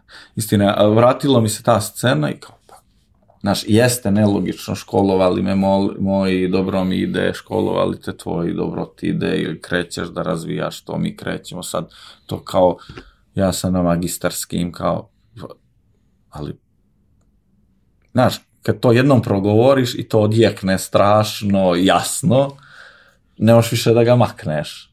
Znači, toliko zauzme prostora, toliko znaš, toliko je očigledno, mi o tangu pričamo, ja, ja sam to zapravo Sonju uvjeravao, pa mi o tangu pričamo, mi, mi, znaš, to nas najviše pokreće, to nam budi sjaj u očima, to je, znaš, ajdemo da otvorimo školu. Ja nisam verovala, želela sam ja to da radim, ali nisam verovala da sam spremna za to jer nije me niko učio za to. Ja sam učila da plešem i bila svesna koliko još ni ne znam da plešem, a niko me nije učio kako ja da podučavam druge ljude i kao kako ću ja sad to. Stvarno nisam imala poverenja u sebe. A šta je tu zanimljivo, samo kratko juče se vraćam sa terapije i kako, kako idem, obično mi neke pametne misli posle terapije dolaze, dolazim do raskrsnice i te, hoću da pređem tamo, a vidim ovde je crveno ali ovde se otvorilo zeleno i ja stanem i kažem pa čekaj, ti kad si u životu, tebi uvek ne, negde zeleno svetlo. Negde ti je crveno i negde ti je zeleno.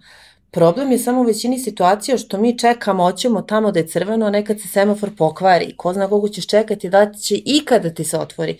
Ali uvek te čeka neko zeleno svetlo.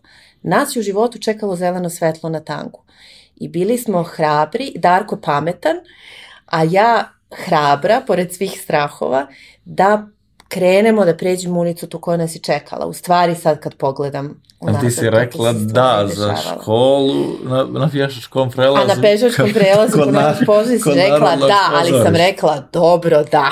Je, baš sam je ubjeđivo, dugo yes. sam je ubjeđivo jer mi nijesmo imali le, mi jesmo imali ljudski legitimitet, ali ovaj ples ni nijesmo imali. Mi smo plesali sve skupa tri godine tango sa pauzom od 6-7 mjeseci u trenutku kad je ona bila napravila pauzu, jer kad sam ja došao na tango, odjednom svi prestali bili neki njeni partneri da plešu sa njom, iako ja sam suprotnost bilo kakvoj posesivnosti, bilo čemu, ali prosto ono, aha, nije više ona u igri im da se smuvaju, ovo ono, i ona se baš tu razočarala i tu smo pravili pauzu, ja sam se solidarisao i vježbao po, po ulici, po sobi, čekao kad će opet krenuti, tako da mi nijesmo imali, znaš, i tada je mnogo manje bilo tango znanja u Beogradu, ono, to je stvarno, ja ne znam, taj naš ples, ni, ono, i nivo i znanje, ne bi sad bio nikad dovoljan, ali to, to je najmanje potrebno na startu ako ti to zašto, ono, to Imate. zašto je uvijek,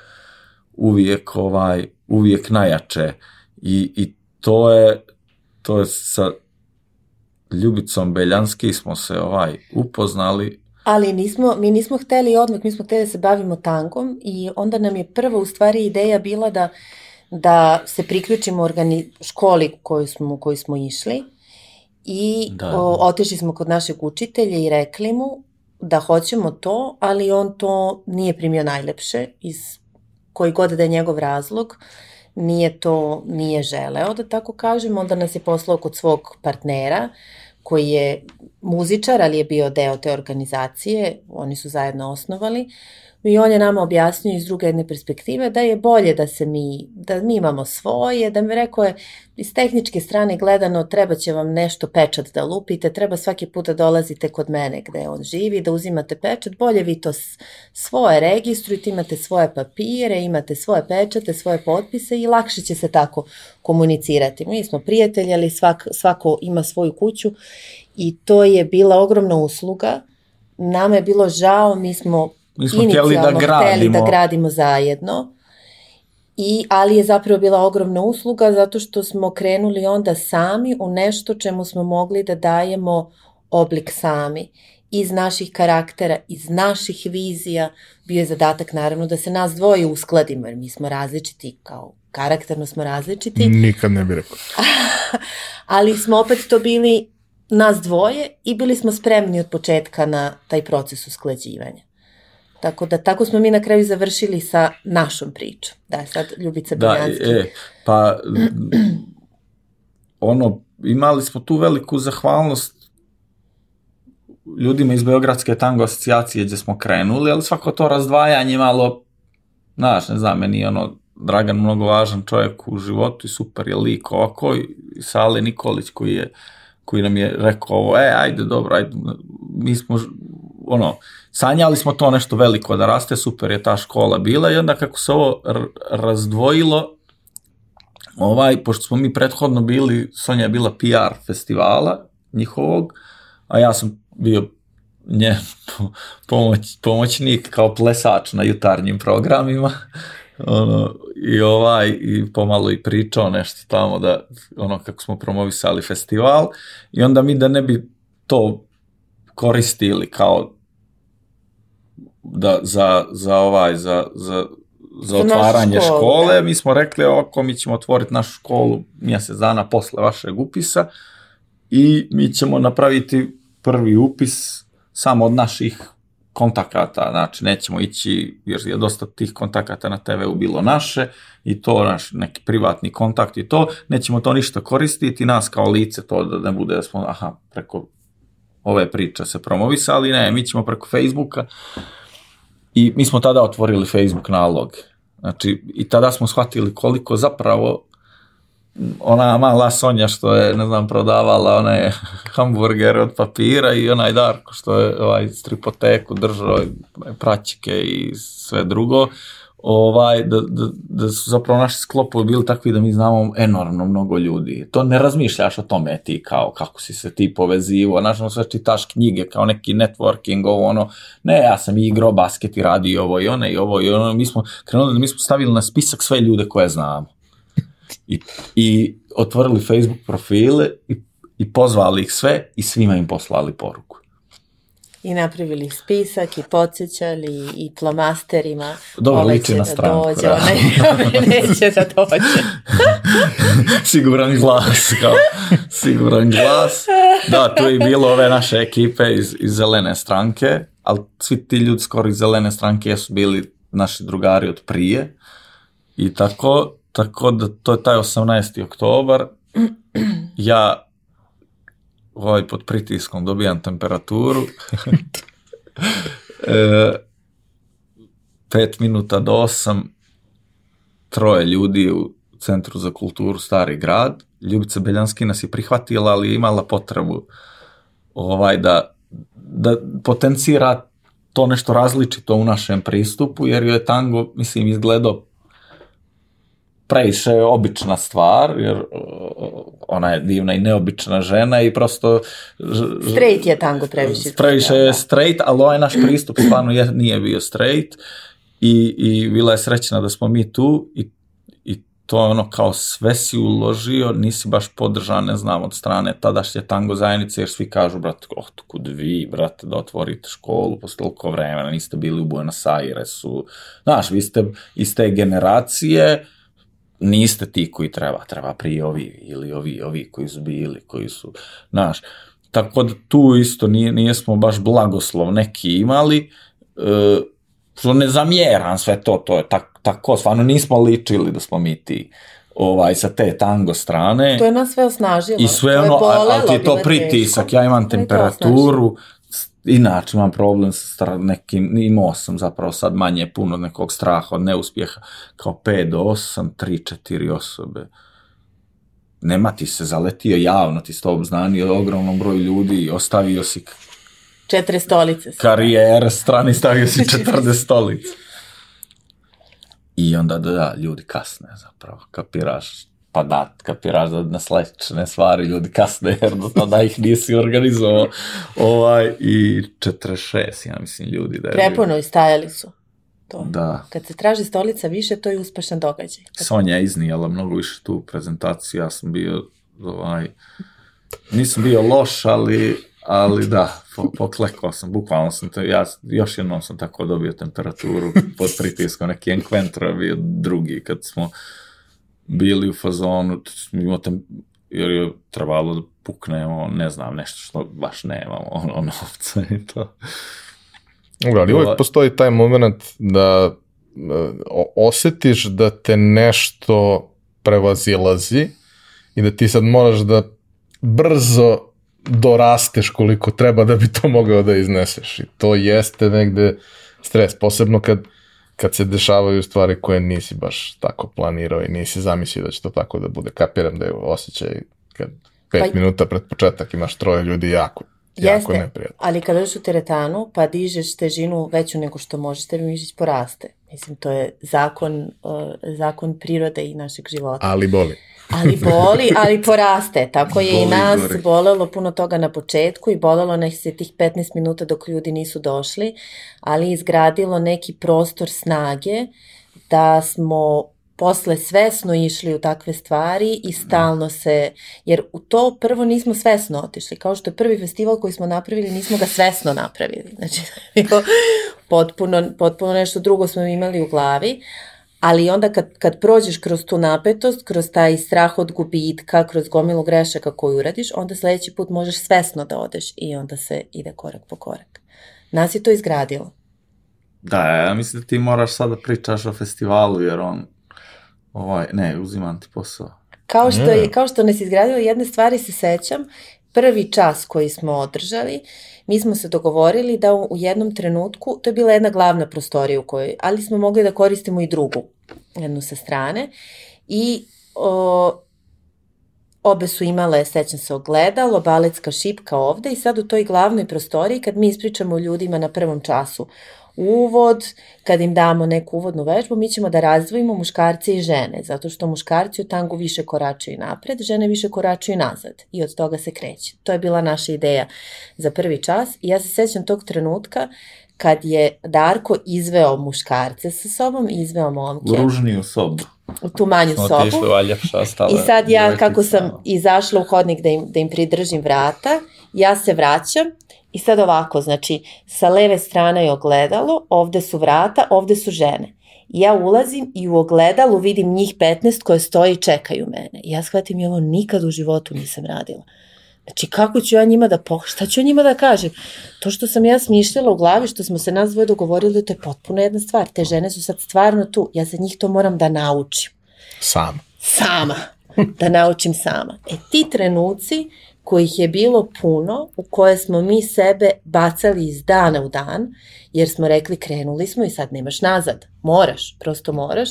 Oni su nas izgradili, naravno i puno učenja kasnije od drugih ljudi i tako dalje, su nas izgradili stvarno fantastične instruktore argendijskog tanga i fantastične organizatore tango događaja stvarno, bez ikakve je. lažne skromnosti ili pretencioznosti. Realno dobro to radimo. Realno Sim, to dobro tango natural je porasto do u roku od 7-8 mjeseci je bio najveća škola u regionu, recimo da je za 2-3 godine bio u Evropi najveća škola. Je, ali ne zato, mo, bili, shva, izgradili smo dobar sistem podučavanja.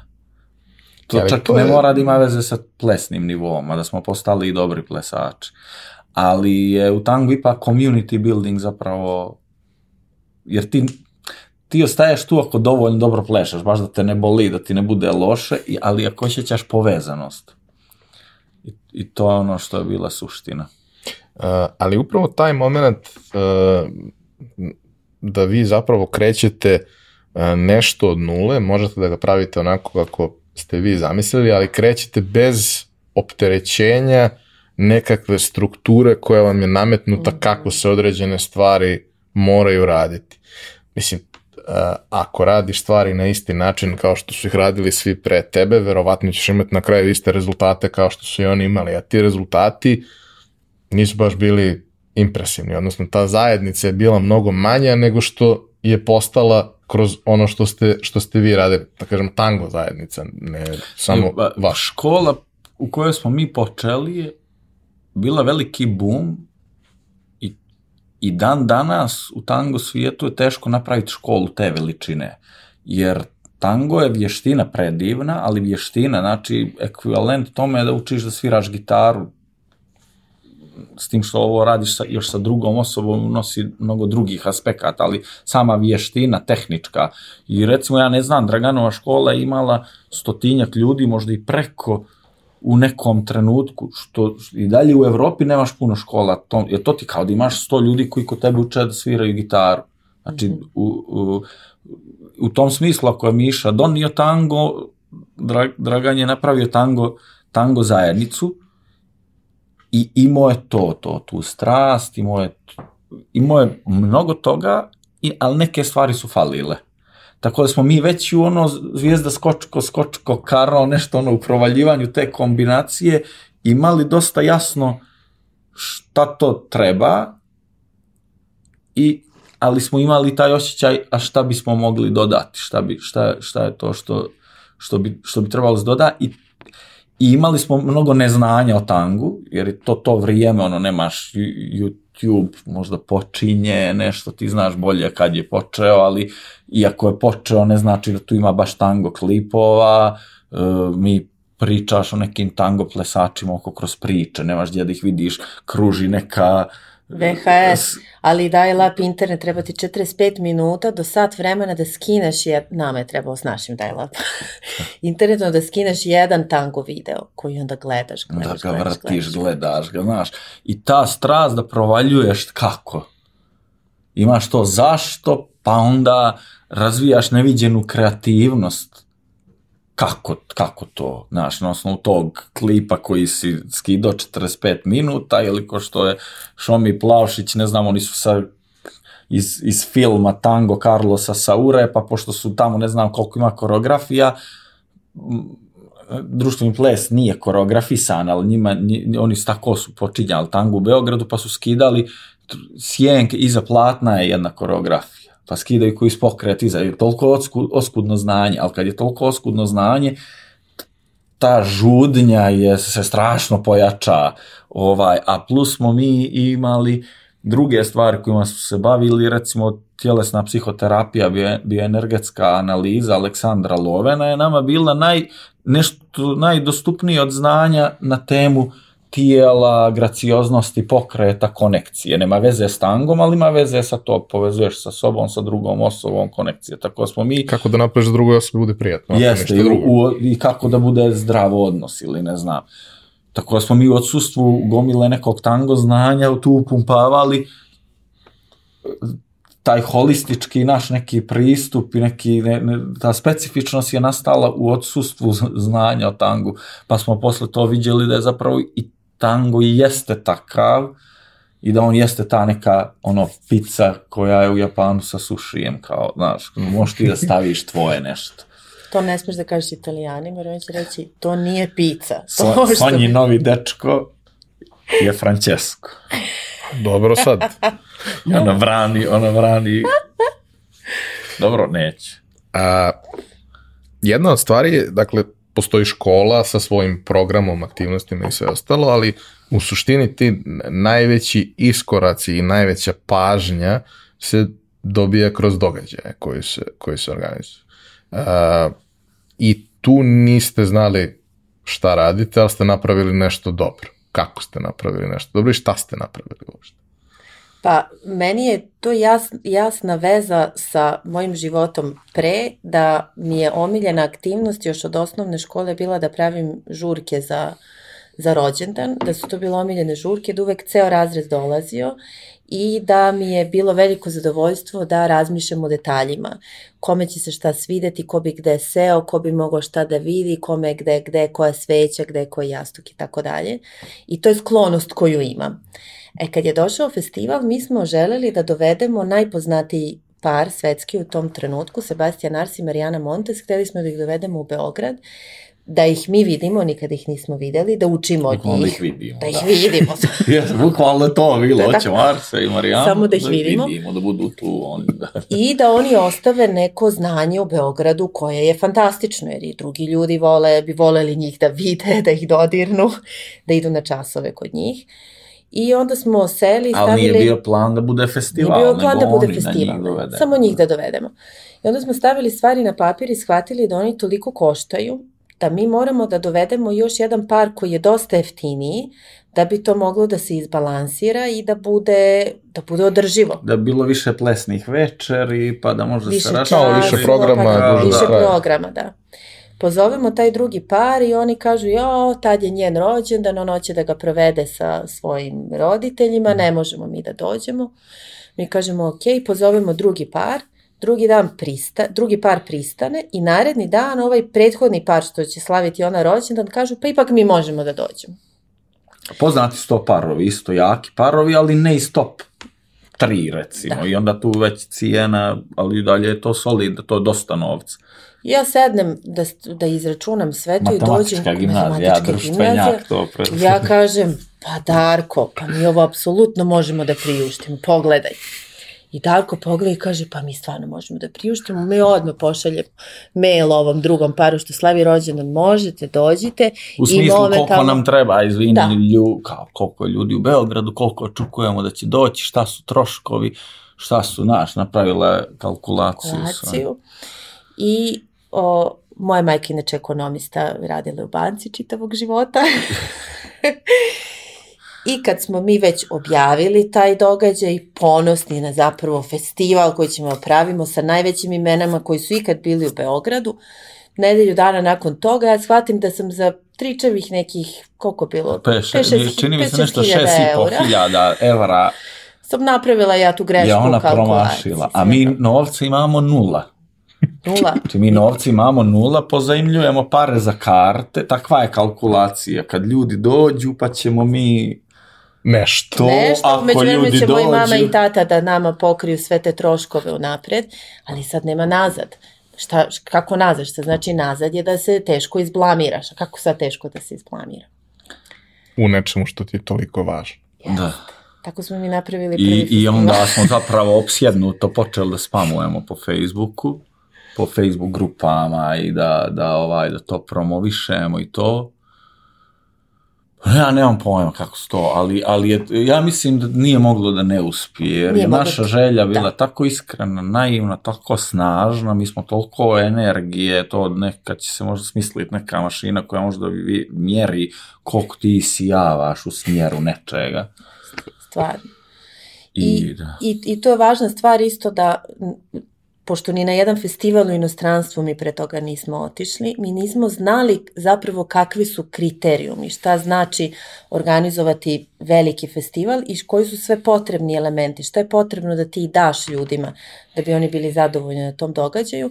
I onda nam je pristup bio šta bi nama bilo potrebno da mi negde otputujemo i šta bi meni bilo potrebno ako mi se pokvari lak na noktima, ako mi se, ne znam, pukne čarapa kad uđem u Malmeu na festivala, nisam ponela ni lak ni makazice, pa smo išli stvarno do neverovatnih detalja koje niko drugi nije obezbeđivao ljudima u svakom segmentu događaja. To mi nismo znali, mi kad Nismo smo znali, krenuli mi smo da to sigurno da ako putujemo- svi rade onda, kad je to potrebno ljudima.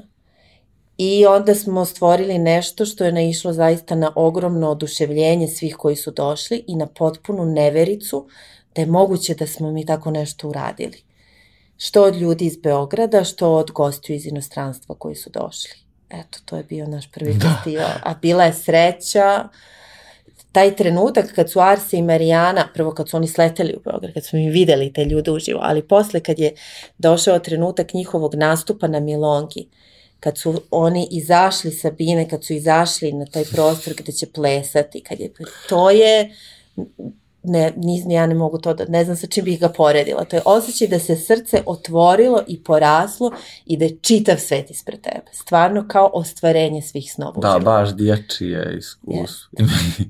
to je jedini put, ja mislim, u njegovoj ičijoj karijeri u tangu svi, mi nis- nismo znali kako funkcioniš festivali, nismo htjeli, ako se sjećaš, neće, ako se sjećaš. znači. Znači, to je, e, Arsi Marijana, to je jedini put da neki tango par nastupao dva put na jednom festivalu. Znači, oni su nastupali kao u petak i u subotu. Znači, to ne postoji da to tango ti dolaziš, nastupaš jedno. A dobro, Arsi u ego nije svet, znaš, njemu je to godilo da mu neko traži tako nešto. I, i mi smo neviđeno ono, vrištali, bili oduševljeni, ovaj, to je, o, kako da kažem, ba, baš ono sad mogu da osjetim, Isto. o- mogu skroz da osjetim. A to vas negde stavi na mapu. da. To negde učini Jeste. da To postanete ovako smo vrlo stavljeni prepoznatljivi. na mapu. Jeste. Da, jer svi drugi su počinjali događaj. Ta veličina scene, pa evo sad, ne znam, ove tri čaše imamo, kao da su to neka tri argentinska para.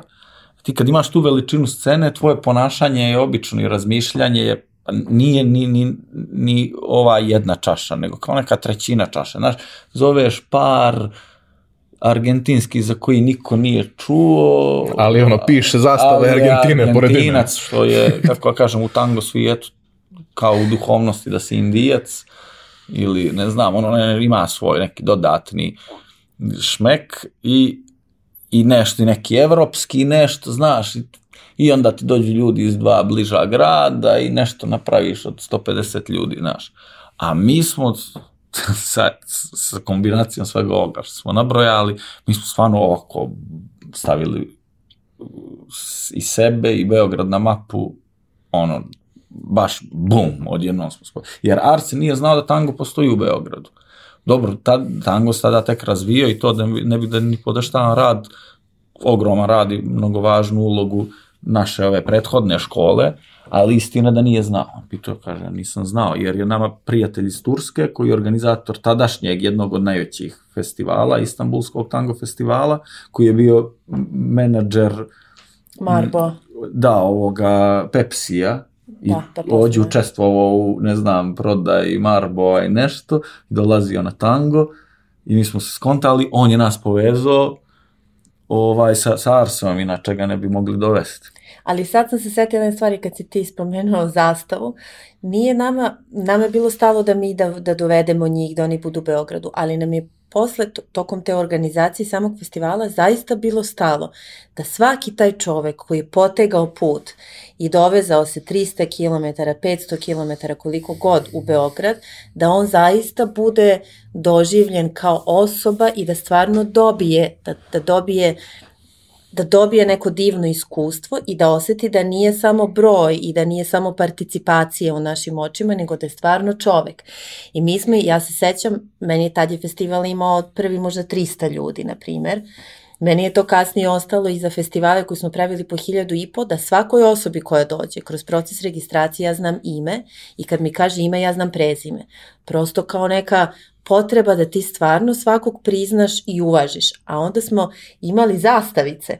Pa kad neko sedne ko je došao iz Bugarske, on ima na stolu zastavicu Bugarske, da se zna da je on iz Bugarske, on ima zastavicu Makedonije. Ove...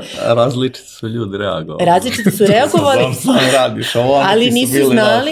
Ali nisu znali šta ih je snašlo, jer ti odeš na festival, koji kad dođeš na neki muzički festival, ti si tu na tom festivalu, nije baš sad organizator te pita, naš, provede sa tobom 10 minuta, znati ime i prezime, tako da i to puno uticalo na mora, moram tu jednu stvar dodati samo koja je mnogo važna, e, jer mi kad smo krenuli sve to, baš kao ono, ono kažu, na, naivni oni američki filmovi, pa kao kako se onaj uvod, kako se formira ekipa neka za dalje avanture.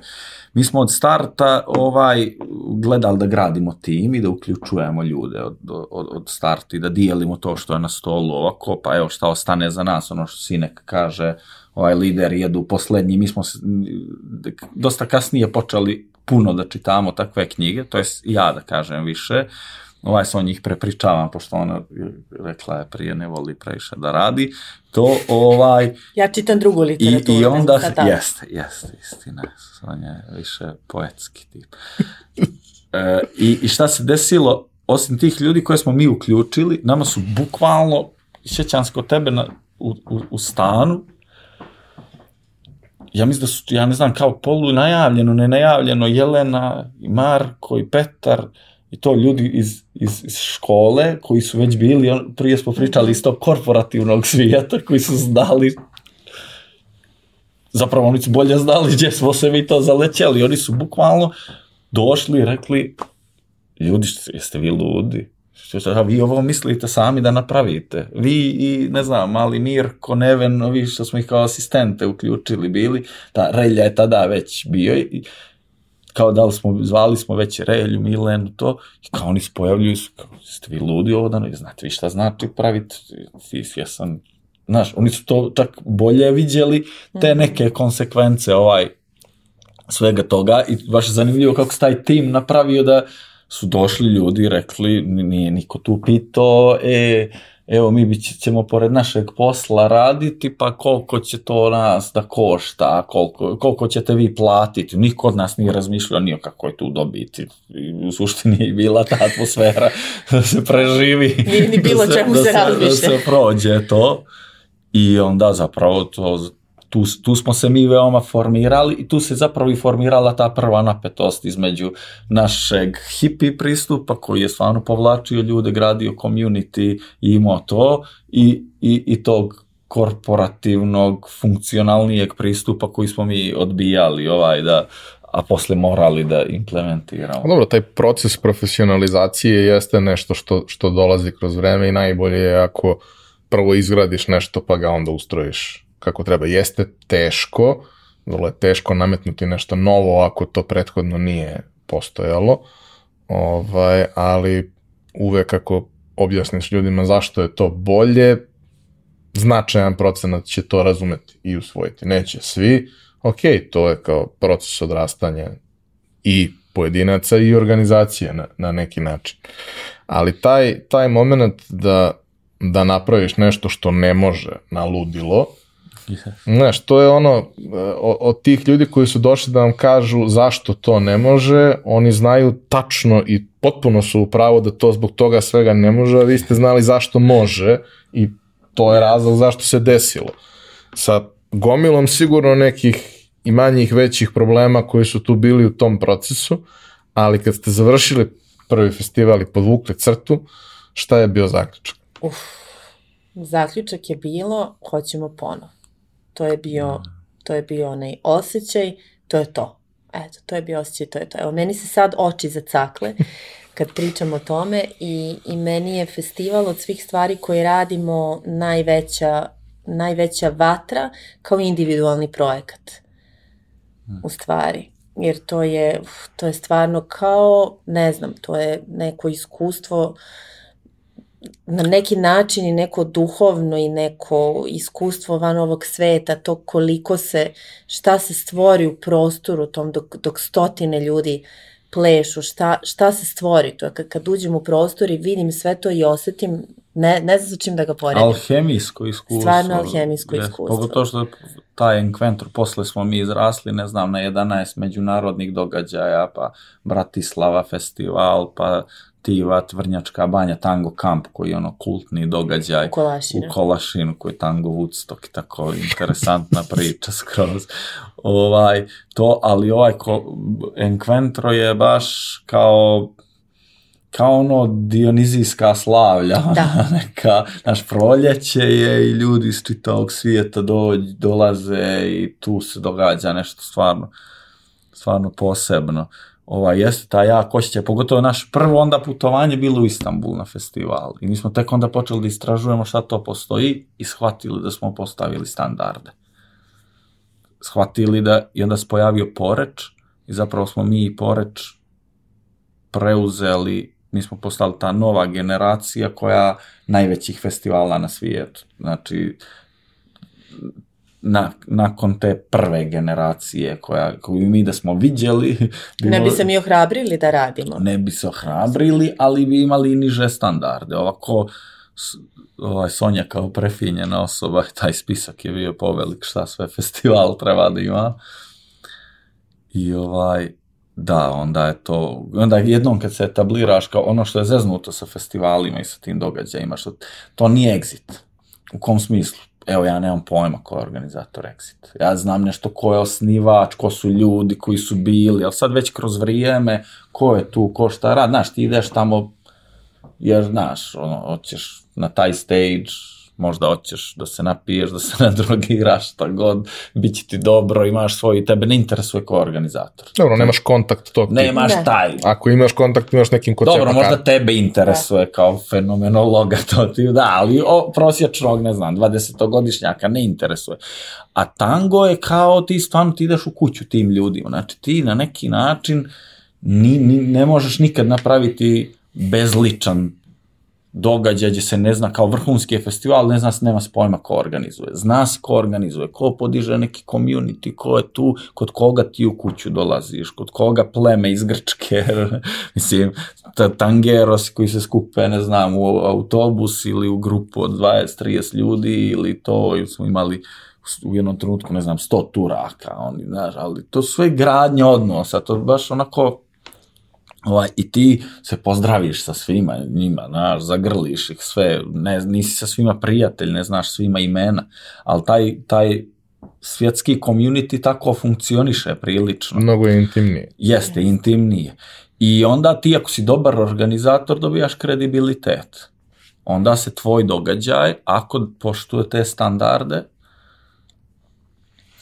to što se pojavljuješ ti u Bratislavi, to već nešto znači, ali što se pojavljuješ, znači nije, nije, nije šta, nego ko. Organized Uvek. by. Da. Ali nosi taj pritisak jer ti stariš vremenom.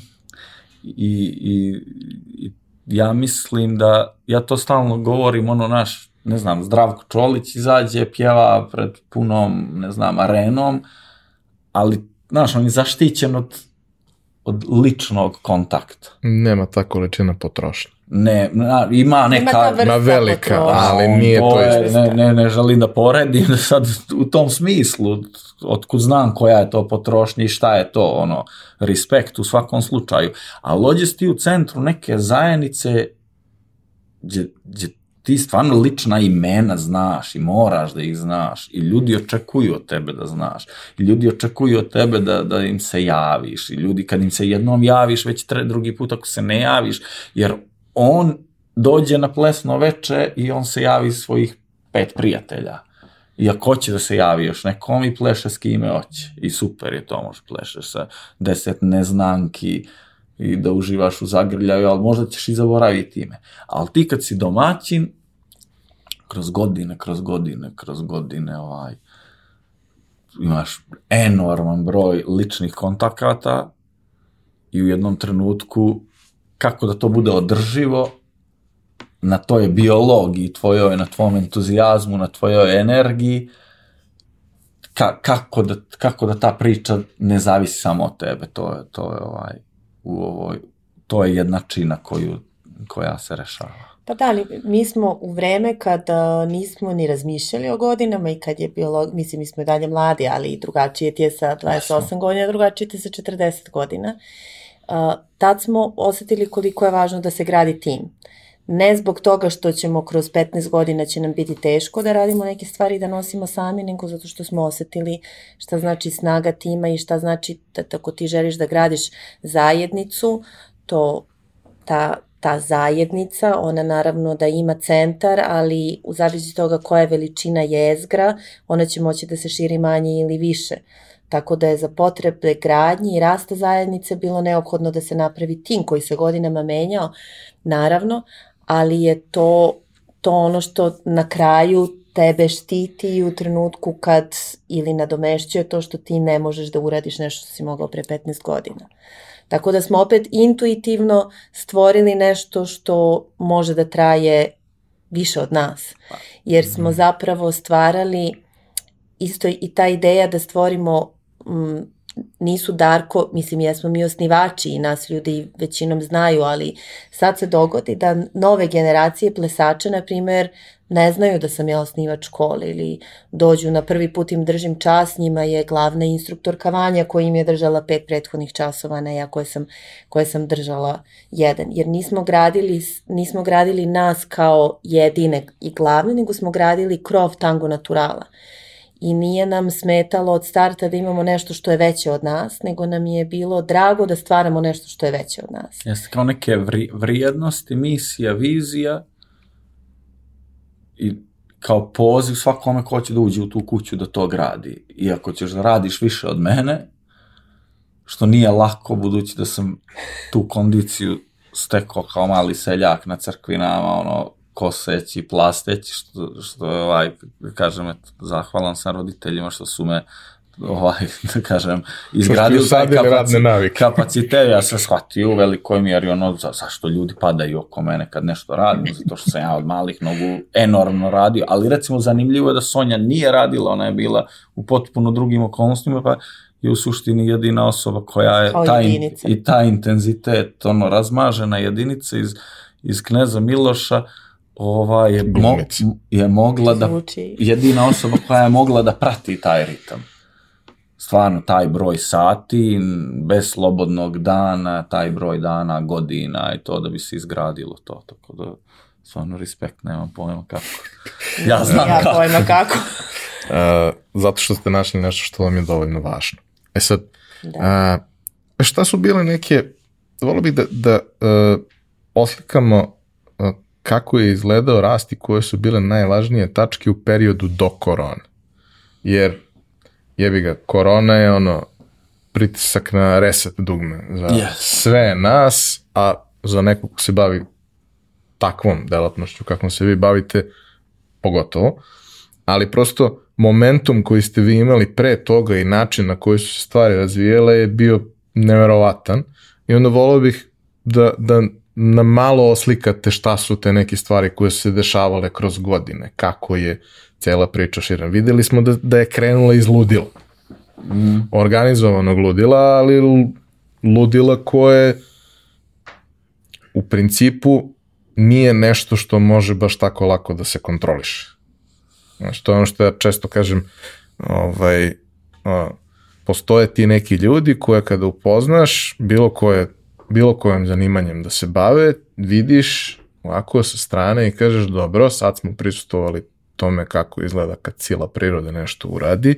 E, sila prirode ima jednu divnu osobinu, to je da može da pomera planine, ima jednu lošu osobinu da ne možeš da je kontrolišeš. Hmm. Ne možeš baš da je pomera tamo gde si ti zamislio, nego tamo gde su oni zamislili u tom trenutku, a možda će da se predomisli. E sad, kako je to postalo prava organizacija? Ja ne znam. pa ovako, mi smo imali dosta e, to ono neki komadići su nedostajali, neki su bili izuzetni. I u nama kao osobama mi smo bili lideri koji jedu poslednji, bili smo lideri koji rade mnogo. Ja sam lider koji i dalje nosi stolice, što je možda suprotno svemu, ali budući da mi nije svemu što ćeš pročitati u knjigama o liderstvu, ali budući da je, ne znam, ti klinci iz besplatne škole tanga za srednjoškolce koju je Relja osnovo, Normalno, hipik. da, ovaj koji je izrasli iz škole aktivizma i tako njegove, e, ja želim da oni vide to. Ja ne želim da, aha, dobili ste besplatan festival ili dobili ste nešto sitno ovo ili ste dobili besplatne, on svakako imaju časove besplatne, ali ne- nešto kao pa sad, ili dobili ste to ukupno iskustvo, sad se ja neki direktor, znači mi imali smo mnogo tih super liderskih osobina, imali smo nekih mrak loših, znači nerazumijevanja, ono, ovaj ekstrem, naš, nedelegiranja kontrole, e, nerazumijevanja potrebe te jasnoće korporativne, proceduralne uređenosti. E, I mi smo zapravo nastali kao društveni pokret, škola, hipi, komuna i ova ekipa koja je ulećala da nam pomogne Enkventru i pomogla nam. Mi smo se razišli, ne znam, Jelena i ja smo se svađali kad smo se razišli. Mislim, i nikad se posle nismo više svađali. To je moja koleginica sa faksa, jedna od onih sa spiska ko će krenuti u prvu grupu. Ovaj, e, jer ono, ta vaša hipi priča, jer su oni neviđeno, ta, to odsustvo jasnoće odgovornosti, uređenosti, naše razumijevanje, neka polako, to proces, on je mlad, mali, naš ma Mirko ima u, bio u timu 16 godina, oni su, su 28, ne znam, tako. I onda malo pomalo, aha, kako, šta smo mi, mi smo to društveni pokret, mi mijenjamo i pojedinci i društvo, koliko pojedinci hoće da se mijenjaju, neko dođe samo se muva, pije pivo, to je skroz ok, da ne zvuči sad smo sekta neka, ali stvaramo uslove. Tu, aha, ali mi smo i organizacija, mi smo, i onda su, kako je priča krenula da raste na tom talasu tog ludila realno i te vizije, misije, koja je bila mješavina divnih želja, ali opet i naših potreba za veličinom, svega nečega, to sve psihoterapija pomogla.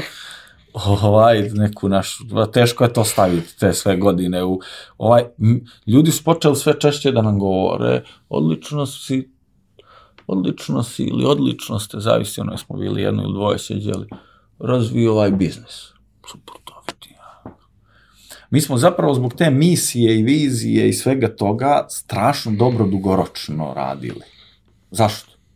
Brate, osnivaš besplatnu školu tanga za srednjoškolce, nemaš računicu, ti hoćeš da radiš dobro nešto, ćeš da radiš nešto divno.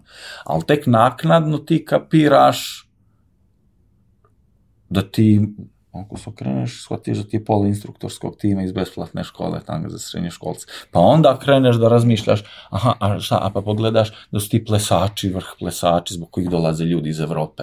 Pa, znaš, ni, nisi nismo mi bili tako pametni da imamo tu računicu. Mi smo bili dobronamjerni, entuzijastični, možda i megalomanski usmjereni sve i onda smo uradili to, pa smo onda sa 30 godina mi nismo imali pare za ljetovanje, otišli smo u Kolašin.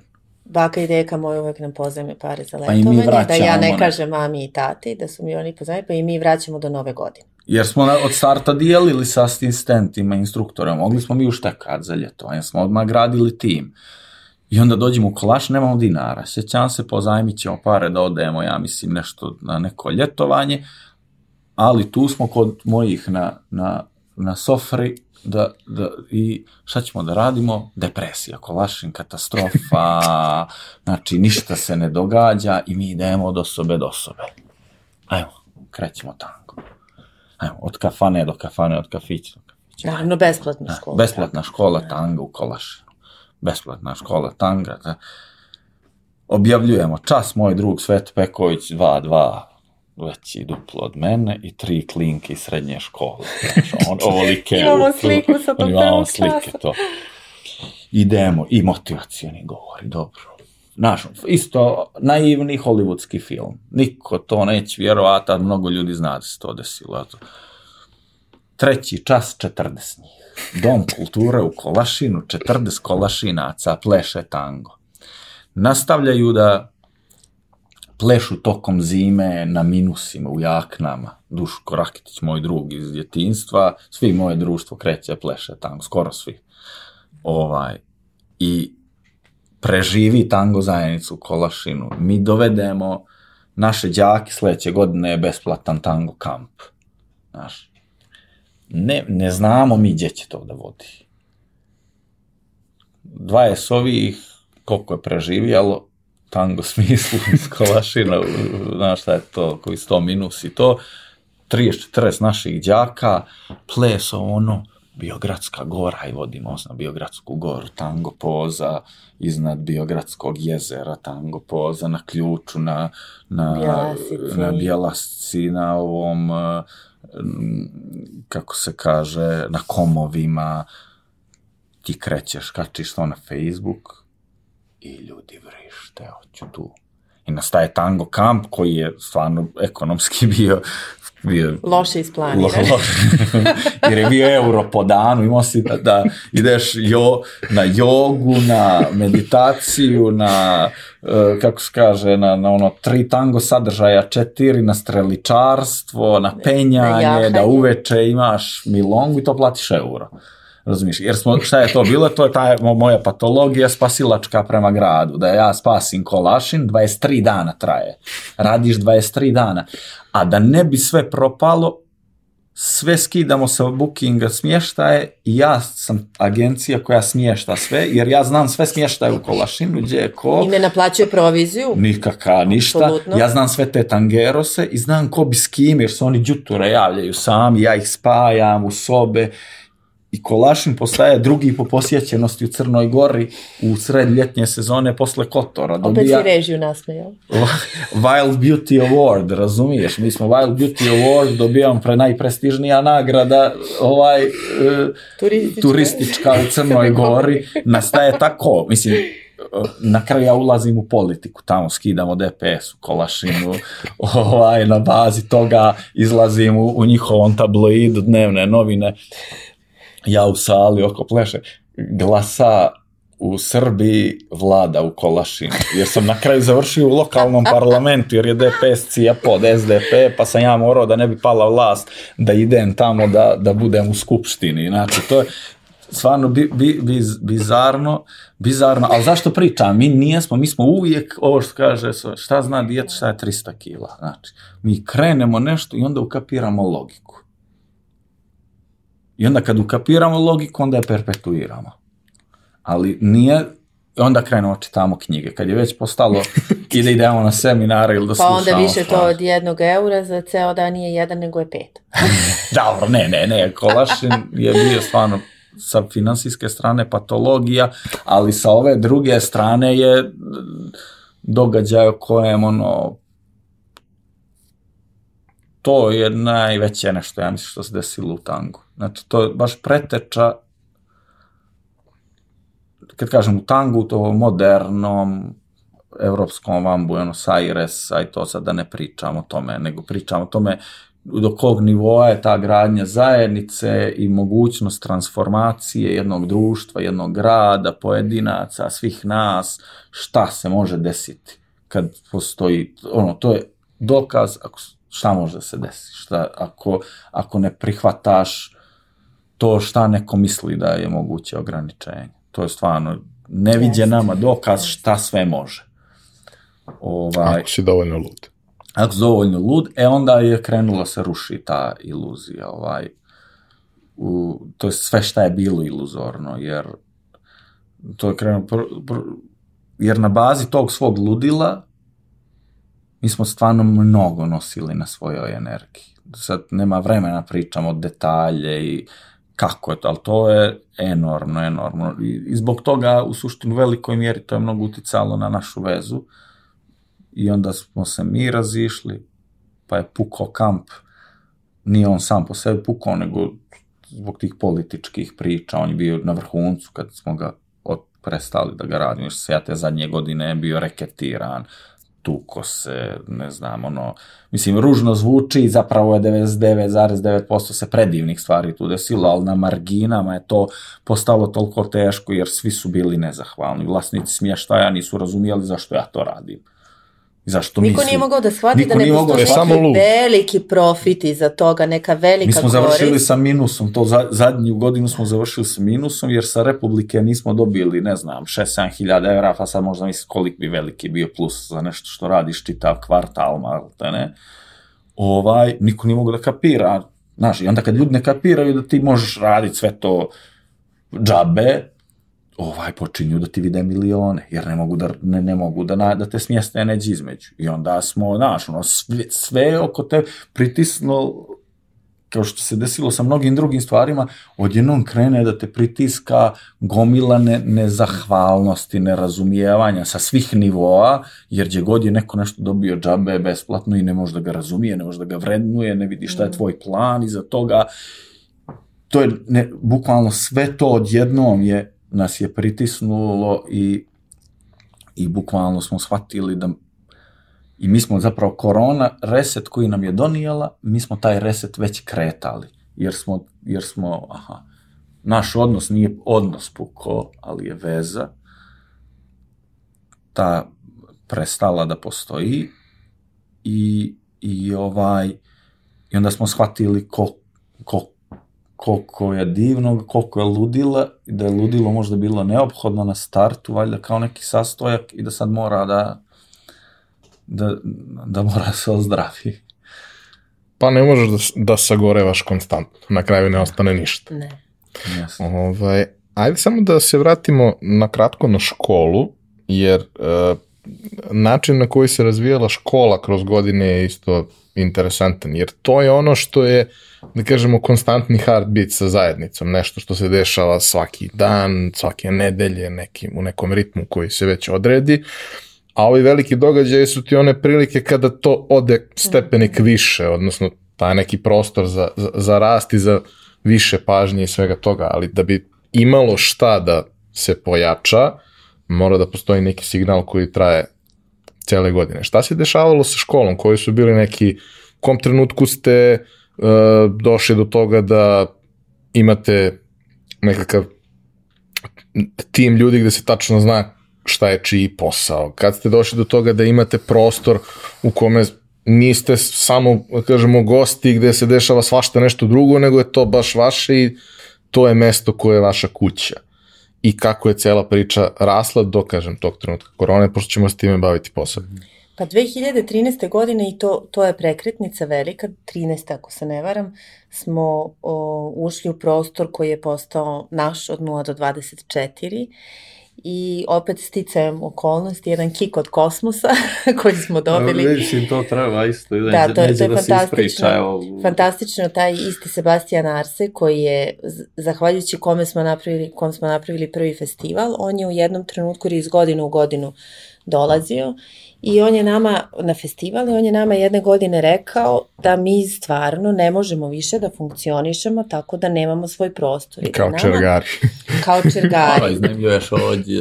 A to je još jedna igra koju sam se igrala kao klinka. Bila sam čergar i pravila sam šatore i, i, i on je nama to rekao, mi smo kazali ali mi ne možemo to da uopšte da realizujemo. On je rekao ja ću vama da pomognem. Koliko vama pomoći treba i mi smo seli, izračunali i rekli, ali zajedno smo računali, i rekli nama treba toliko i toliko pomoći. Zakazali smo susret na festivalu u Beču, a, u kom je on nama rekao definitivno da, on ula, da ulazimo u taj proces i da će on biti naš o, sponsor faktički. Sa, Mecena, ono, ne mecena, znam. Da. Kako godinu, dvije će nam davat po 500 evra mjesečno. Da. Kao subvenciju da mi možemo da stanemo na noge. A mi smo izračunali, toliko smo plaćali za članarine, i sad moramo da porastemo svakako, plus tih 500 evra za salu koja košta toliko i toliko. Da. Ali onda... I onda se dogodi, naravno sednemo čitav tim naš i pitamo da li svi planirate da ostanete u narednoj sezoni sa nama, moramo da znamo jer od toga zavisi, zavise budući kapaciteti, oni kažu svi da, da, svi klimnu glavom. I sad mi krećemo već da tražimo prostor nema u Beogradu baš prostora koji su adekvatni za tako nešto. Mi smo do tada držali časove u jednoj sali koja je bila nekih 80 kvadrata, Ima plus stotinjak, da. stotinjak plus slačionica, plus mini kuhinje i to nam je bila jedna sigurna opcija, ali nije nam bilo idealno. I mi smo rekli tom Ali i za to nam je menadžeru- trebalo tih 500 I za to nam je trebalo. I mi smo rekli menadžeru tog prostora, "M, nama ovo nije idealno, tražit ćemo još nešto drugo, do kad je rok da kažemo, on kaže rok vam je do ponedeljka 1. jula recimo da se vi izjasnite za narednu sezonu, među vremenu Darko traži prostore, ne nalazi ništa. Dolazi 1. jul, mi idemo u prodavnicu da E, kupimo... vodi me lik, to moram da kažem, vodi me lik iz agencije, da li oni tako dobiju nešto sate u agenciji, mi kažemo nama treba minimum 100 kvadrata Integralnog integralnog prostora. prostora, plesna priča, vodi me po Dorćolu, po nekim podrumima, 150 kvadrata u 16 soba, znači troši mi vrijeme, maltretira me i sve neadekvatno. I tog jutra se mi probudimo i kažemo to je to, prvi jul došao, mi potvrđujemo ovu salu koja nas je čekala sve vreme, idemo u prodavnicu da kupimo nešto za doručak, Darko zove ovog momka, on se ne a javlja. isto pješački prelaz. bre. Pešački prelaz. On ga zove, on ga zove, ovaj se ne javlja i kao, ok, čućemo se kasnije. Mi stojimo na pešačkom prelazu, njega zove ovaj lik iz agencije koji ga je vodio po svim tim neadekvatnim prostorima i kaže, imam prostor za tebe. A nama u to vreme drugar i đak, dečko koji je držao Belgrade Eye, ja mislim da se, da se zvalo, i gde su preko čega su se svi oglašavali. I tako smo mi zapravo znali da smo pogledali sve što postoji, jer smo stvarno znali da, da Mhm. dobijamo sve informacije i ovaj zove čovek Darka, agent, i kaže imam nešto za tebe, ja kaže, ma ti imaš za mene. Šta najjače, mi živimo u Resavsku 38, on kaže, imam u Resavskoj 28, 28. kralju znam čitav grad, a ne, ne znam deset Nemaš brojeva, iznad tu je plesni centar, ovaj drugi jedan, Ali gdje mi je lik odbio dva mjeseca prije toga, kaže, sve je To fulirano. je zauzeto, nema ma imam, ma nemaš, ma nemaš, ma imam, ma imam. I dobro, ajde idemo da pogledamo, jer to je bukvalno samo da ne pređemo tu, nego da pređemo ovde. Mi pogledamo salu, uđemo i kažemo, pa to je to, ali zar je ova sala stvarno slobodna? Da, ta sala je stvarno slobodna. I sad da se skrati priča, nas je... Sala košta 1000 evra više nego... Kao nego, ovo što smo- ova prva Ovo što smo mi sa Arse ovih 500 evra planirali. I taj, međutim, nama, nama je stvarno bilo jasno da je to prostor za nas i da mi moramo taj prostor, a Jarse će nam pomoći, jel tako? I direktor tadašnji uh, te institucije u kojoj se sala nalazi, stvarno divan čovek koji nas video kao mlade, poštene ljude, nije hteo da nas upropasti, da mi potpisujemo ugovor na godinu dana koji nećemo moći, da dajemo kaparu koju nemamo i tako dalje. Nikola se trudio iz Stari, žila da nas 80. odgovori. Nemojte, djeco, nemojte, nemojte. I naravno, u, kad smo mi već shvatili da ćemo uzeti tu salu, pozove Darka menadžer iz ovog drugog prostora to je već bilo kasno. Znači, sat vremena što se taj dečko nije javilo je presudilo da mi uđemo u prostor koji je zaista nama otvorio mogućnosti da se škola razvije mnogo, na mnogo divnih načina i da postane baza za sve ove stvari koje smo dalje gradili i za tu društvenu promenu koja se mnogo više dešavala pred našim očima, a zbog koje smo A kako za, zapravo je želeli. jedna još stvar nedostaje. A, naravno, Arsen, Arsen nas nije podržao ništa. E, ali nije, nije htio nas da zezne, nešto su mu pukle neke neki- pare u neki nekoj novac banci, izgubio nešto. Na Kipru negde I i... ne, ne, ne znam kako, neki novac izgubili mi kako smo napravili dogovor, taj koji je koliko stepenika prevazilazio naše mogućnosti, on kaže, ljudi, izvinite, ja, Ali ja ne mogu. ja ne mogu. I uz sve to neki članovi tima koji su rekli da će sigurno ostati tu, nisu ostali tu. Tako da smo mi ponovo bačeni u novi bazen sa hladnijom vodom koji je dublji, koji je teži, novi nivo igrice, ali moraš da ga prođeš. Jednostavno Yes. moraš zato što nemaš opciju nikakvu. Potpisao si ugovor na godinu dana. Nemaš mogućnost da pukneš. Jer ja bez obzira što sam jedinica iz Kneza Miloša, nisam iz bogate porodice. Moji roditelji su mogli to nekako da pokriju, ali... Mogle pozajme pare za kartu, Mogli su avion. da poz... Da, ali ni, nije poenta u tome. Ja ni, nisam rasla tako da se oslanjam na to da treba nešto svoje da napravim. Tako da smo jednostavno morali. A neko može da te podrži, ali ne može da te podrži za uvek. Pa ne može za uvek da te podrži, a na kraju kraja imaš i potrebu, kao mlad čovek, čovek od tada 33 godine, da sam uradiš nešto što si rekao da ćeš uraditi, jer ugovor je vrsta obećanja koje ti pravno moraš da ispoštuješ, ali na ljudskom nivou i iz pozicije neko ko želi da bude odrastao, ti želiš da ga ispoštuješ. Tako da smo se mi snašli. Jeste, i onda šta je tu fora, sve što smo mi posijali te događaje, oni su kao, nije teško počinjati stvari, jer umeđu vremenu već, znači, počeo je Enquentro, počeo je Tango Camp, poče, znači, već u jednom pred koronu smo imali 11 međunarodnih događaja, što je ubitačan ritam. Znači, za mi svaki dan si s ljudima u školi, pa plus imaš tri plesne večeri, kao tri svadbe od 100 ljudi, da si nedeljno na tri svadbe. Ne je baš ono pečenje da se alkoholišeš, ali intenzitet taj. Pa plus jednom mjesečno imaš nešto od 3 do 7 dana ili u slučaju kampa 23 dana tog intenziteta. To, to je neviđeno. I sad šta je fora, ja to kroz tu sliku, meni je taj bio osjećaj. Znaš, krenuo sam tam kamp, tr, tralala, ali ono prvo 20, 30, 20 iz Kolašina, 30 iz Beograda pa si novogodišnji maraton, pa si Enquentro kreće da raste, pa Bratislava saradnja, pa, znaš, kreću, ali to ti kao da ubaciš stvari neke usta i tamo očinješ da kapiraš da one rastu u ustima.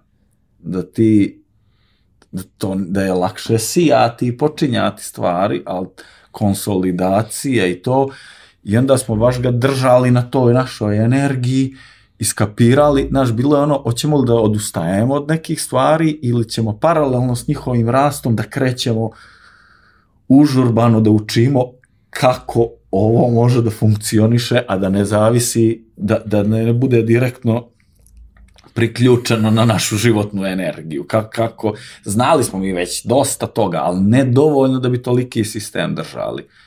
I, i onda smo, ono, ušli u, pa, paralel, u zapravo trku sa vremenom, trku sa vremenom, nije nam se odustajalo ni od čega, na kraju smo morali da odustajemo od nekih stvari, da platimo te cijene koje smo platili, ovaj, a trka sa vremenom, ref, i mi smo u reformi već 7-8 godina, korona je to neviđeno i, i prebolno i predivno ubrzala, ali mi smo onda počeli da se profesionalizujemo, reformišemo, da bi taj sistem koji je nastavljao da raste na svom kredibilitetu, na svojoj energiji, na kvalitetu, da bi ostao, postao i ostao nešto održivo.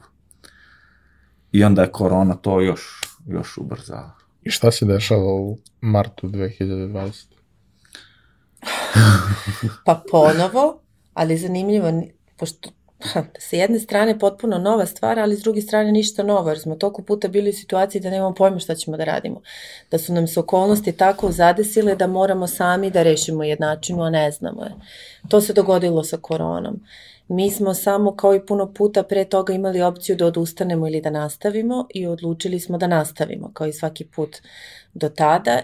Postavili smo jednačinu i kao za taj prvi festival šta je potrebno ljudima koji dolaze kod nas, tako je i sad bilo šta je potrebno ljudima od nas i od tanga koji ne može da se konzumira na načine koje mogu da se konzumira ranije, šta, je, šta im je potrebno toga da zadovolje svoje, svoje potrebe. To je bilo glavno pitanje. Naravno da smo shvatili vrlo brzo da moramo da pređemo na online uh, funkcionisanje koje ne zvuči sinhrono sa idejom tanga kao plesa koji se dešava uživo između ljudi, ali smo po, pokušali da prepoznamo potrebe koje stoje iza toga i na koji način možemo njih da sretnemo kroz drugi mediji. Ali ima jedan moment I... psihološki veoma važan koji mi, čini mi se da ćeš ga proći. Prvo smo htjeli opet kao i, i, i to je naša mana koja nas vuče. Mislim da nam je korona donijela to neko izlječenje u tom smjeru koliko god, mi smo uključivali tim da bi dijelili, ali nismo baš dobri primači bili u smislu da e, naš često kao ono sa Enquentrom kad se pojave ljudi da ti pomognu, e, mi smo i ođe bili u fazonu isprva, Sonja rekla, ajde koliko mi imamo novca, koliko mi mjeseci možemo da izdržimo. da dajemo ljudima plate, da ljudi koji su instruktori u tango naturalu znaju da čak i u ovim okolnostima tango natural stoji iza njih, da neće biti otpušteni, da će dobiti plate i da ćemo mi, da će sale biti plaćene, da će moći da funkcioniše. I mi smo krenuli da pravimo kalkulaciju tu i onda je došao Relja i rekao nam je ono otprilike kreteni, ovaj... Kaže, ja ponekad nešto pametno.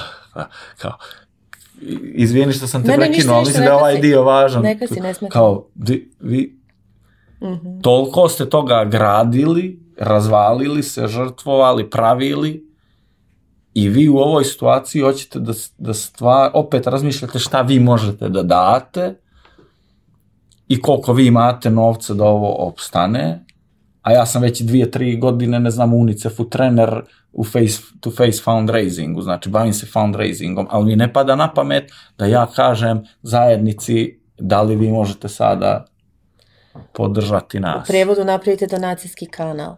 Ta, taj pakao snimanja videa u kom mi tražimo ljudima nešto, taj pakao, to ne, ne mogu da opišem stvarno, evo ja sam glumica, znači mogu da izgovorim tekst bilo koji na način da prilično uverim drugu osobu, ali, ali ovo je moja stvarna situacija koja je sasvim okej u stvari, ništa tu nije strašno i pot, potpuno je normalno da se kaže sve to što je trebalo da kažemo. Prvo trenutak u kom mi pišemo tekst, pa tekst kako, kako A ja sam, ja sam trener fundraisinga, a ona je glumica, znaš. On je Ali plaćen mi, da, da, da za te stvari. treniram ljude, ali ja ne, uh, mi nismo ljudi koji su umjeli, imali smo problem da, da primamo. Mi smo Do as bili I u say, fazonu- not as I do. Da, mi, da mi, mi smo stalno bili u smjeru tom, da šta za Da je kolaž. trebalo za nekog drugog da tražite novac, vi biste da. tražili bez ikakvih problema. Da, naravno. I na kraju je taj video snimljen i mislim da je bio dobar i bila sam ponosna na njega više nego na bilo koju ulogu koju sam u životu napravila što smo to tako izgovorili i sve i naravno da su se dogodile donacije bez kojih um, ne, ne, ne bi bilo na kraju ne bi bilo na kraju moguće.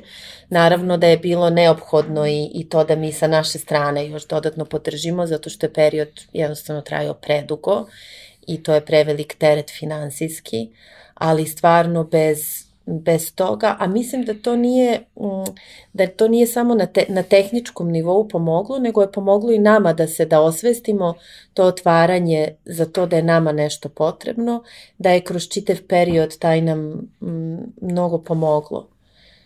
Da, u svakom smislu.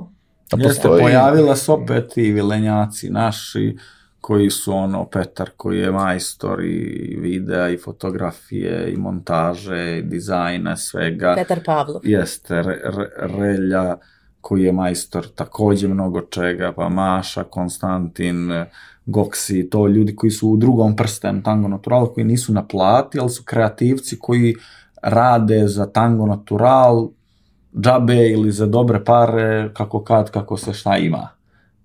Taj fazon, ono, evo, ako naš vide, ako, naš, od kampa, niko nije tu dobio ništa, jer niko od nas nije dobio ništa, Enquentro je zarađivo, svi su dobijali i tako su, oni su pratili tu priču godinama i oni su se pojavili isto kao onda što su se pojavili ova druga ekipa koji je dalje naš prijatelj, ovaj rekli, ajmo, i mi smo napravili Tango Natural TV, koji je isto dobio nagradu i koji je, ova, mislim, TV, to je program koji išao na našoj stranici, ali je, ono, dan danas mi srećemo ljudi iz čitave Evrope, pogotovo žene koje su, ne znam, svakog jutra džuskale sa mnom, pa smo, ono, imali smo baš, imali smo jednostavne emisije koje su bile tako kao, ono, džuskanje, wake up, energy boost, neki ovo, ono, ali i ozbiljne kulturološke priče gdje će Sonja sa kako kažem, svojim glasom ovaj, ovjekovječila neke priče o orkestrima, tango. Pravili smo emisije koje su uključivale čitavu zajednicu sa uključenjima kao ne, neka vrsta, live je to išlo na Facebooku sa temama koje su, koje, koje interesuju ljude, koje su važni za ljude u procesu učenja, razumevanja tanga, zajednice. Čak sam i ja gledao iz daleke Amerike u tom E. trenutku. Eto vidiš. Tako da u suštini sad sve ovo, ne sjećam se kad smo seli da ispričamo stvari ovako i baš hronološki, nekako je jedan princip iza svega, a to je princip da mi nešto želimo i da se nalazimo u, u nepoznatoj situaciji koju rešavamo iz svoje želje da se nešto dogodi. Zapravo, sve kad pogledaš i škole, i festival, i period korone, i svi ostali projekti, i gradnja, i gradnja tima, i razumevanje o, kako treba ozbiljno neka, neka organizacija da funkcioniše, pa prelazak na te, na te druge principe, sve se to dešavalo na isti način. I sve se dešavalo organski. Sve se dešavalo organski, da. Znaš, mislim da taj moment koji svako ko vas je upoznao, ja sam vas upoznao pre više od 10 godina, prvi put, ja to ne razumem. Mene ne zanima. Ali ja vidim da ste vi u tome iskreni. Znaš, i kogod me je pitao, a znaš, ljudi te pitaju svašta, najčešće me pitaju za kafane iz opravdanih razloga ali pitaju me za druge stvari gde nešto mogu u gradu, posebno ljudi koji su došli ne znam, na studije, a u svom gradu su imali neku priču i sad ne znaju ovde, jednostavno nikad to nije bilo možda na tom nivou ili su plesali jedno pa sad to ovde nema ili nisu naš nekog, ok, evo ti probaj ovo i znaš kao ta količina nekog pozitivnog feedbacka i, i, i lepih emocija mi uvek bila potvrda da to što radite ima smisla a i Dereta je pomogao s vremena na vreme svojim nekim ono, svojim nekim uvidima sa strane iznutra. Znači, yes. nije on zaista sa strane, on je mnogo više unutra, mm -hmm. ali nije iz vizure vas dvoje, čija vizija je to podigla do, do ovog nivoa. Ovaj, tako da, s te strane, stvarno, još jednom svaka čast. Uh, za sam kraj, hoću da napravimo uh, rekapitulaciju i neku priču o tome šta se dešava danas i nadalje. Uh, jer prosto ono, možemo mi da se pravimo da je korona prošla, korona nije prošla, samo više nije u fokusu toliko i negde smo prihvatili da ono, postoji ta neka realnost u kojoj kad se neko zakašlje, nije ti baš dobro evo, po, po defaultu, ovaj, ali život ne može da stane kao što je stajao faktički godinu dana i onda uz neke pauze još par puta. Ili možemo da kažemo da je, da je rat izlečio koronu kako god ovaj, ko gleda, ali činjenica je da su se stvari vratile u neki drugačiji tok, više samo ono automat u banci koji na webcam radi ti kaže stavite masku. I niko drugi te više nigde ne pita ništa slično i ljudi su se negde vratili na koncerti, u pozorišti, u bioskopi, na utakmice i sve ostalo i vratili su se mnogi u te prostore gde postoji mnogo više fizičkog kontakta i, i bliskosti i svega toga što jeste nešto što nam je bilo zabranjeno i mislim formalno, a i negde lično iz brige, sekiracije, straha od, od svega toga. Kako je teko taj oporavak i kako ste vi prosto, koje su vama najvažnije stvari koje su se dešavale, kako su ljudi krenuli lagano da se vraćaju?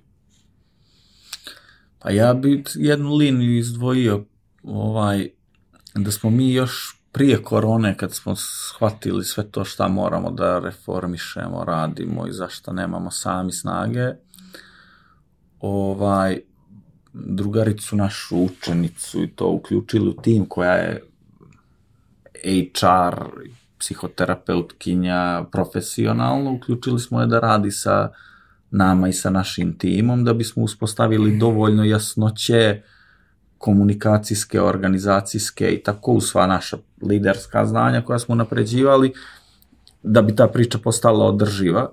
I onda kad um, korona je donijela zapravo ono vrijeme za, za mnogo toga nečeg unutrašnjeg, zašto smo svi, svako ko je preduzetnik, a vremenom smo prihvatili da jesmo ovaj biznis ljudi i preduzetnici i da je ok to pomiriti sa ovim idealima i, i sa vizijom i misijom. Ima i gorih dijagnoza od toga.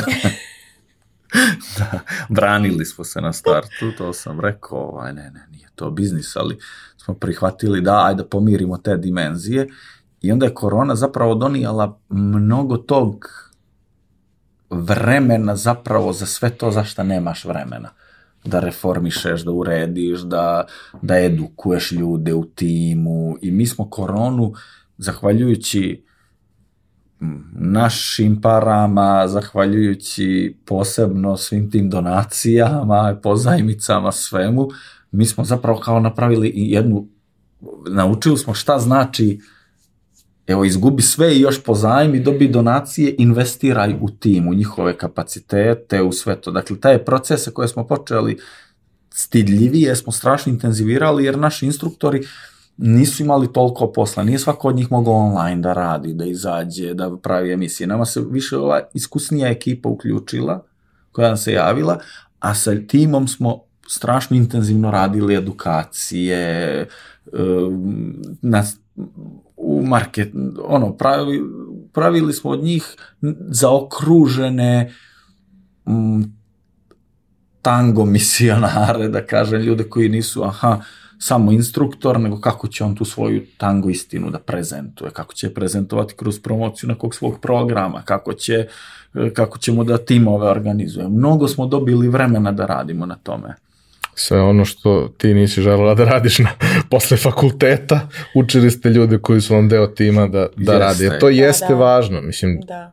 jedna je stvar kada ti imaš silu prirode koja ide i nešto promoviše i nudi i prodaje, da to tako kažem, a druga stvar je kad imaš kapilarno to na hiljadu mesta i koliko god pojedinac bio neverovatan, jednostavno količina, masa, broj vremenom to prevazići. Jeste, ali vidiš, meni je bio problem da, prodaj, da prodajem sebe, sad ako banalizujemo stvari, ali mi, spate mi pre tema, ali mi da nije... Da prodajem bio, sebe. ali mi nije bio problem nikad da prodajem tango. Čak na neki način sebe kroz tango, ali to je, da li je to pitanje toga da sam ja više verovala u vrednost tanga nego što sam verovala u vrednost sebe na nekom polju ili je to pitanje koje je povezano sa ovim da pomiriš preduzetništvo i, i misiju i viziju neku koju imaš, jer kao sad jedno je da ti hoćeš sebe da promovišeš, a drugo je da promovišeš vrednost koju, koju tango koju, koju tango nosi sa sobom. Znaš kako, da... meni deluje, možda nije tačno, ali meni deluje da uh, ako je to posao, a to ta gluma jeste bila posao, da ti nekako doživljavaš to kao nešto što dođeš i radiš i da sve ove ostale stvari koje su preduslov da do toga dođe, jednostavno ne bi trebale da budu to. Ne bi trebale da budu deo cele te priče. Nažalost, jesu jer je takva profesija. Ovaj, ono, majstor najčešće ne mora sebe da prodaje, je svima potreban. Ali u ovako nekom poslu gde se gomila ljudi konkuriše za mali broj prilika, moraš na neki način da se istakneš između njima i, i među njih i mnogo potrošiš energije do trenutka dok dođeš u poziciju gde samo treba da uradiš svoj posao. Da, to ima smisla, ali kako god, ja sam zadovoljna sa, sad ovo je, ovo je izbor svakako, ali u isto vreme i nešto, jer nije se, kod mene se klackalica nije dogodilo ovako, nego je, nego je to polako su tango i gluma menjali količinu vremena koje sam im ja posvećivala i mesto koje mi u mom životu. Ja sam zadovoljna ovim, lepo mi ovde, ima puno, im, ima puno stvari koje mogu da radim i ne pronalazim sebe apsolutno u svim poljima, ali zato mislim i nisam sama ovde, nego je nas dvoje i mi možemo da podelimo I naravno čitav tim, zaduženja i plus čitav tim koji ali od samog starta sam imala taj osjećaj da postoji druga strana i da postoji uvek kompenzacije i da svako ima nešto u čemu je bolje i tako dalje. I da neke stvari možete da prenesete jedno na drugo yes. i možete da se oslonite, možda ne možete na sve, ali možete da se oslonite jedno na drugo i na još par tih nekih ljudi koji su u nekom core team. A šta se dešava u narednom periodu, odnosno šta su, šta su sada planovi? Imali ste nedavno uh, festival, odnosno kako je to tačno bilo? Imali smo festival koji nije ovaj festival veliki koji smo pravili, to je jedan, jedan manji događaj bio. Ja se nadam stvarno na, na puno nivoa da ćemo sledeće godine moći da pravimo veliki festival, da će se to vratiti i da ćemo ga sad napraviti sa jednog novog mesta da će zbog toga moći onda bude još bolji, veći, zreli, snažni, jer mi smo zapravo postali takvi ljudi u ovom periodu koji je doneo puno različitih izazova, ali to sve nekako ide. Ja lično ne razmišljam uopšte na temu da će se vraćati restrikcije, neće se vraćati, ako se vrate, vratile su se, ako se ne vrate, odlično, ali ako se vrate, naći ćemo način šta da radimo i kako da radimo. Prosto imam, imam taj utisak da, um, naravno, neka vrsta planiranja je neophodna, ali i otvorenost za to da se razne stvari dogode i promenu tvoje planove, mislim da je isto neophodna. Mi smo stekli pandemijski know-how. Ja mislim da je to mnogo važna stvar, jer mnoge organizacije poput naše, to jest manje od naše, jer da kažem da mi opet tu smo lideri u gradnji, profesionalizaciji u, u tom plesnom ili makar da kažem tango svijetu I, ovaj, I mnogi su samo isključili i rekli hop ili se prekvalifikovali ili su imali taj problem, nisu imali relju da kaže kreteni i da, ili nisu imali zajednicu koju je mogu tražiti jer mhm. prethodni njihov odnos nije kreirao taj kredibilitet, tako dalje i tako dalje. Mnogo variacija, ali mi smo neprestano svakog sekunda radili nešto za vrijeme te pandemije i radili mnogo Da li je to bilo online, da li su to bili časovi gdje su ljudi bili razdvojeni mjesecima, gdje smo vježbali, naš, sa, da li su to bili događaji sa ograničenim brojem ljudi sa maskama, da li su, znači mi smo se prilagođavali broju okolnosti i kreirali bukvalno ono ogroman know-how koji neko drugi sad nema, znači ne kažem, ja bi ga podijelio, ali ne možda ga, ne možeš to iskustvo Mora da podijeliš, da to je haos i psihološki i na svaki drugi način.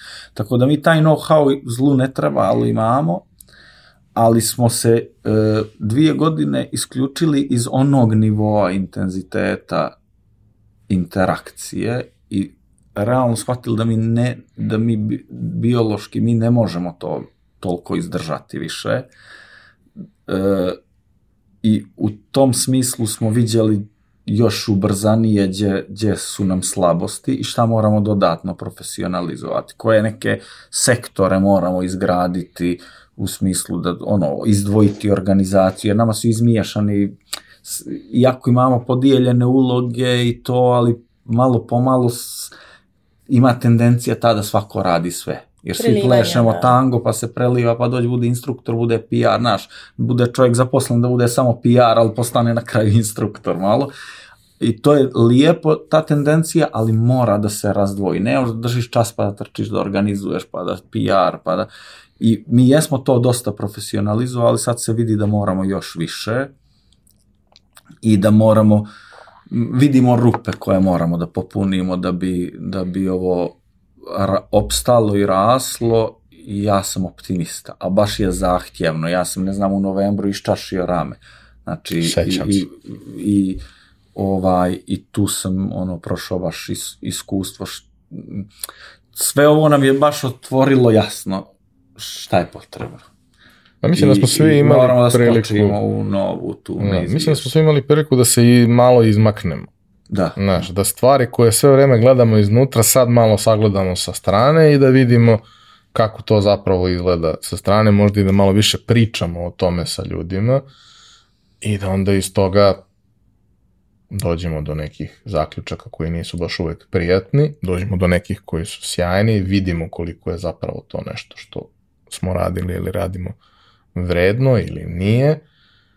I da smo, znaš, ja kažem, korona je suštinski bila katalizator za sve. Dobre stvari je ubrzala da postanu još bolje, loše stvari je ubrzala da propadnu.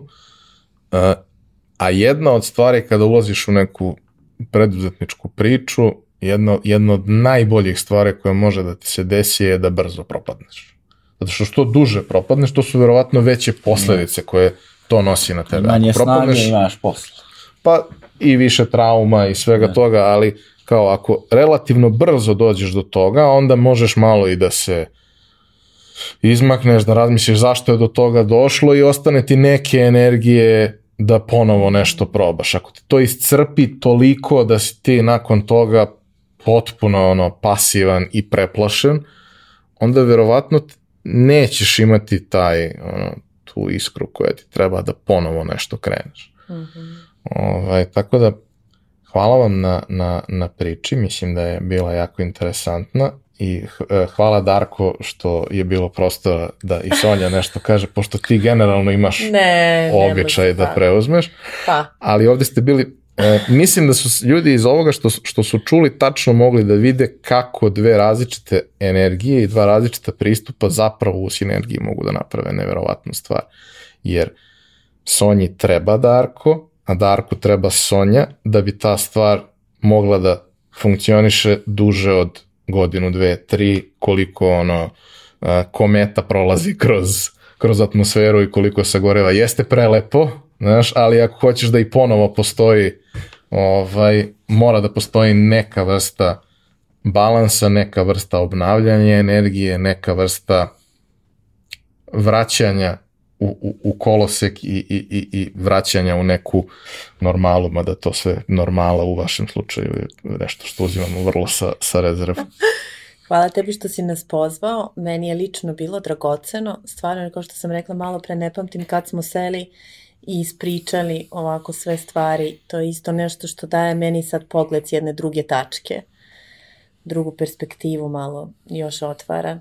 I drago mi je da, im, da smo dobili priliku da ljudi čuju sve ovo. Mislim da je jako vredno za svakog ko pokušava da napravi nešto gde mu je bitna zajednica, a jako puno stvari koje danas radimo se baziraju upravo na tome, jer opet koliko god bili neverovatni i fantastični, mi smo konačan resurs koji može da radi 100% 24 sata dok se ne onesvesti, ali je to i dalje samo 100% jedne osobe 24 sata, a Mhm. Zajednica je nešto što pravi mnogo veću promenu sa mnogo manjim pojedinačnim, pojedinačnom Unosom. potrošnjom. I sam, samim tim što ljudi to ne posmatraju kao preveliku obavezu i preveliku potrošnju, to mogu da radi dugo. A ti ako držiš gas na 200 sve vreme, ne možeš to da radiš večno. Mhm. Jeste taj balans davanja, primanja, dijeljenja neke odgovornosti, dijeljenja vizije, uključivanja ljudi, baš ne, bit će to baš uzbudljivo. Sonja ima izuzetnu intuiciju i ona u suštini je ogroman broj stvari pokrenula u tango naturalo, a ja sam, ova, ja ih operacionalizujem, objašnjavam i sistematizujem, ali ovaj, i onda nekad može da zvuči, pošto ja onda više to verbalizujem, nekad može da zvuči da ja puno pričam, a zapravo... Dobro, dobro, ti puno i pišeš, ali ovaj, ono što smo negde zaključili što je, što je važno, to je da očigledno treba da izbjegavate ovaj, pešačke prelaze. Da su vam se mnogo, mnoge bitne i važne stvari u životu desile na pešačkom prelazu. Yes. Yeah. Hvala. Uh, svako ko je zainteresovan može da se informiše o tome šta Darko i Sonja rade kroz uh, društvene mreže ili jednostavno izgooglajte Institut Tango Natural, Resavska 28. Ovaj, nisam dobar promoter jer nikad nisam bio osim da pokupim relju posle ovaj, časa, ali uh, ukoliko ovo deluje kao nešto što bi moglo da vam bude zanimljiv deo u životu, dođite i probajte, pa onda donesite sud o, o, svemu tome. Hvala vam što ste nas slušali i gledali, to bi bilo to, vidimo se ponovo sledeće nedelje.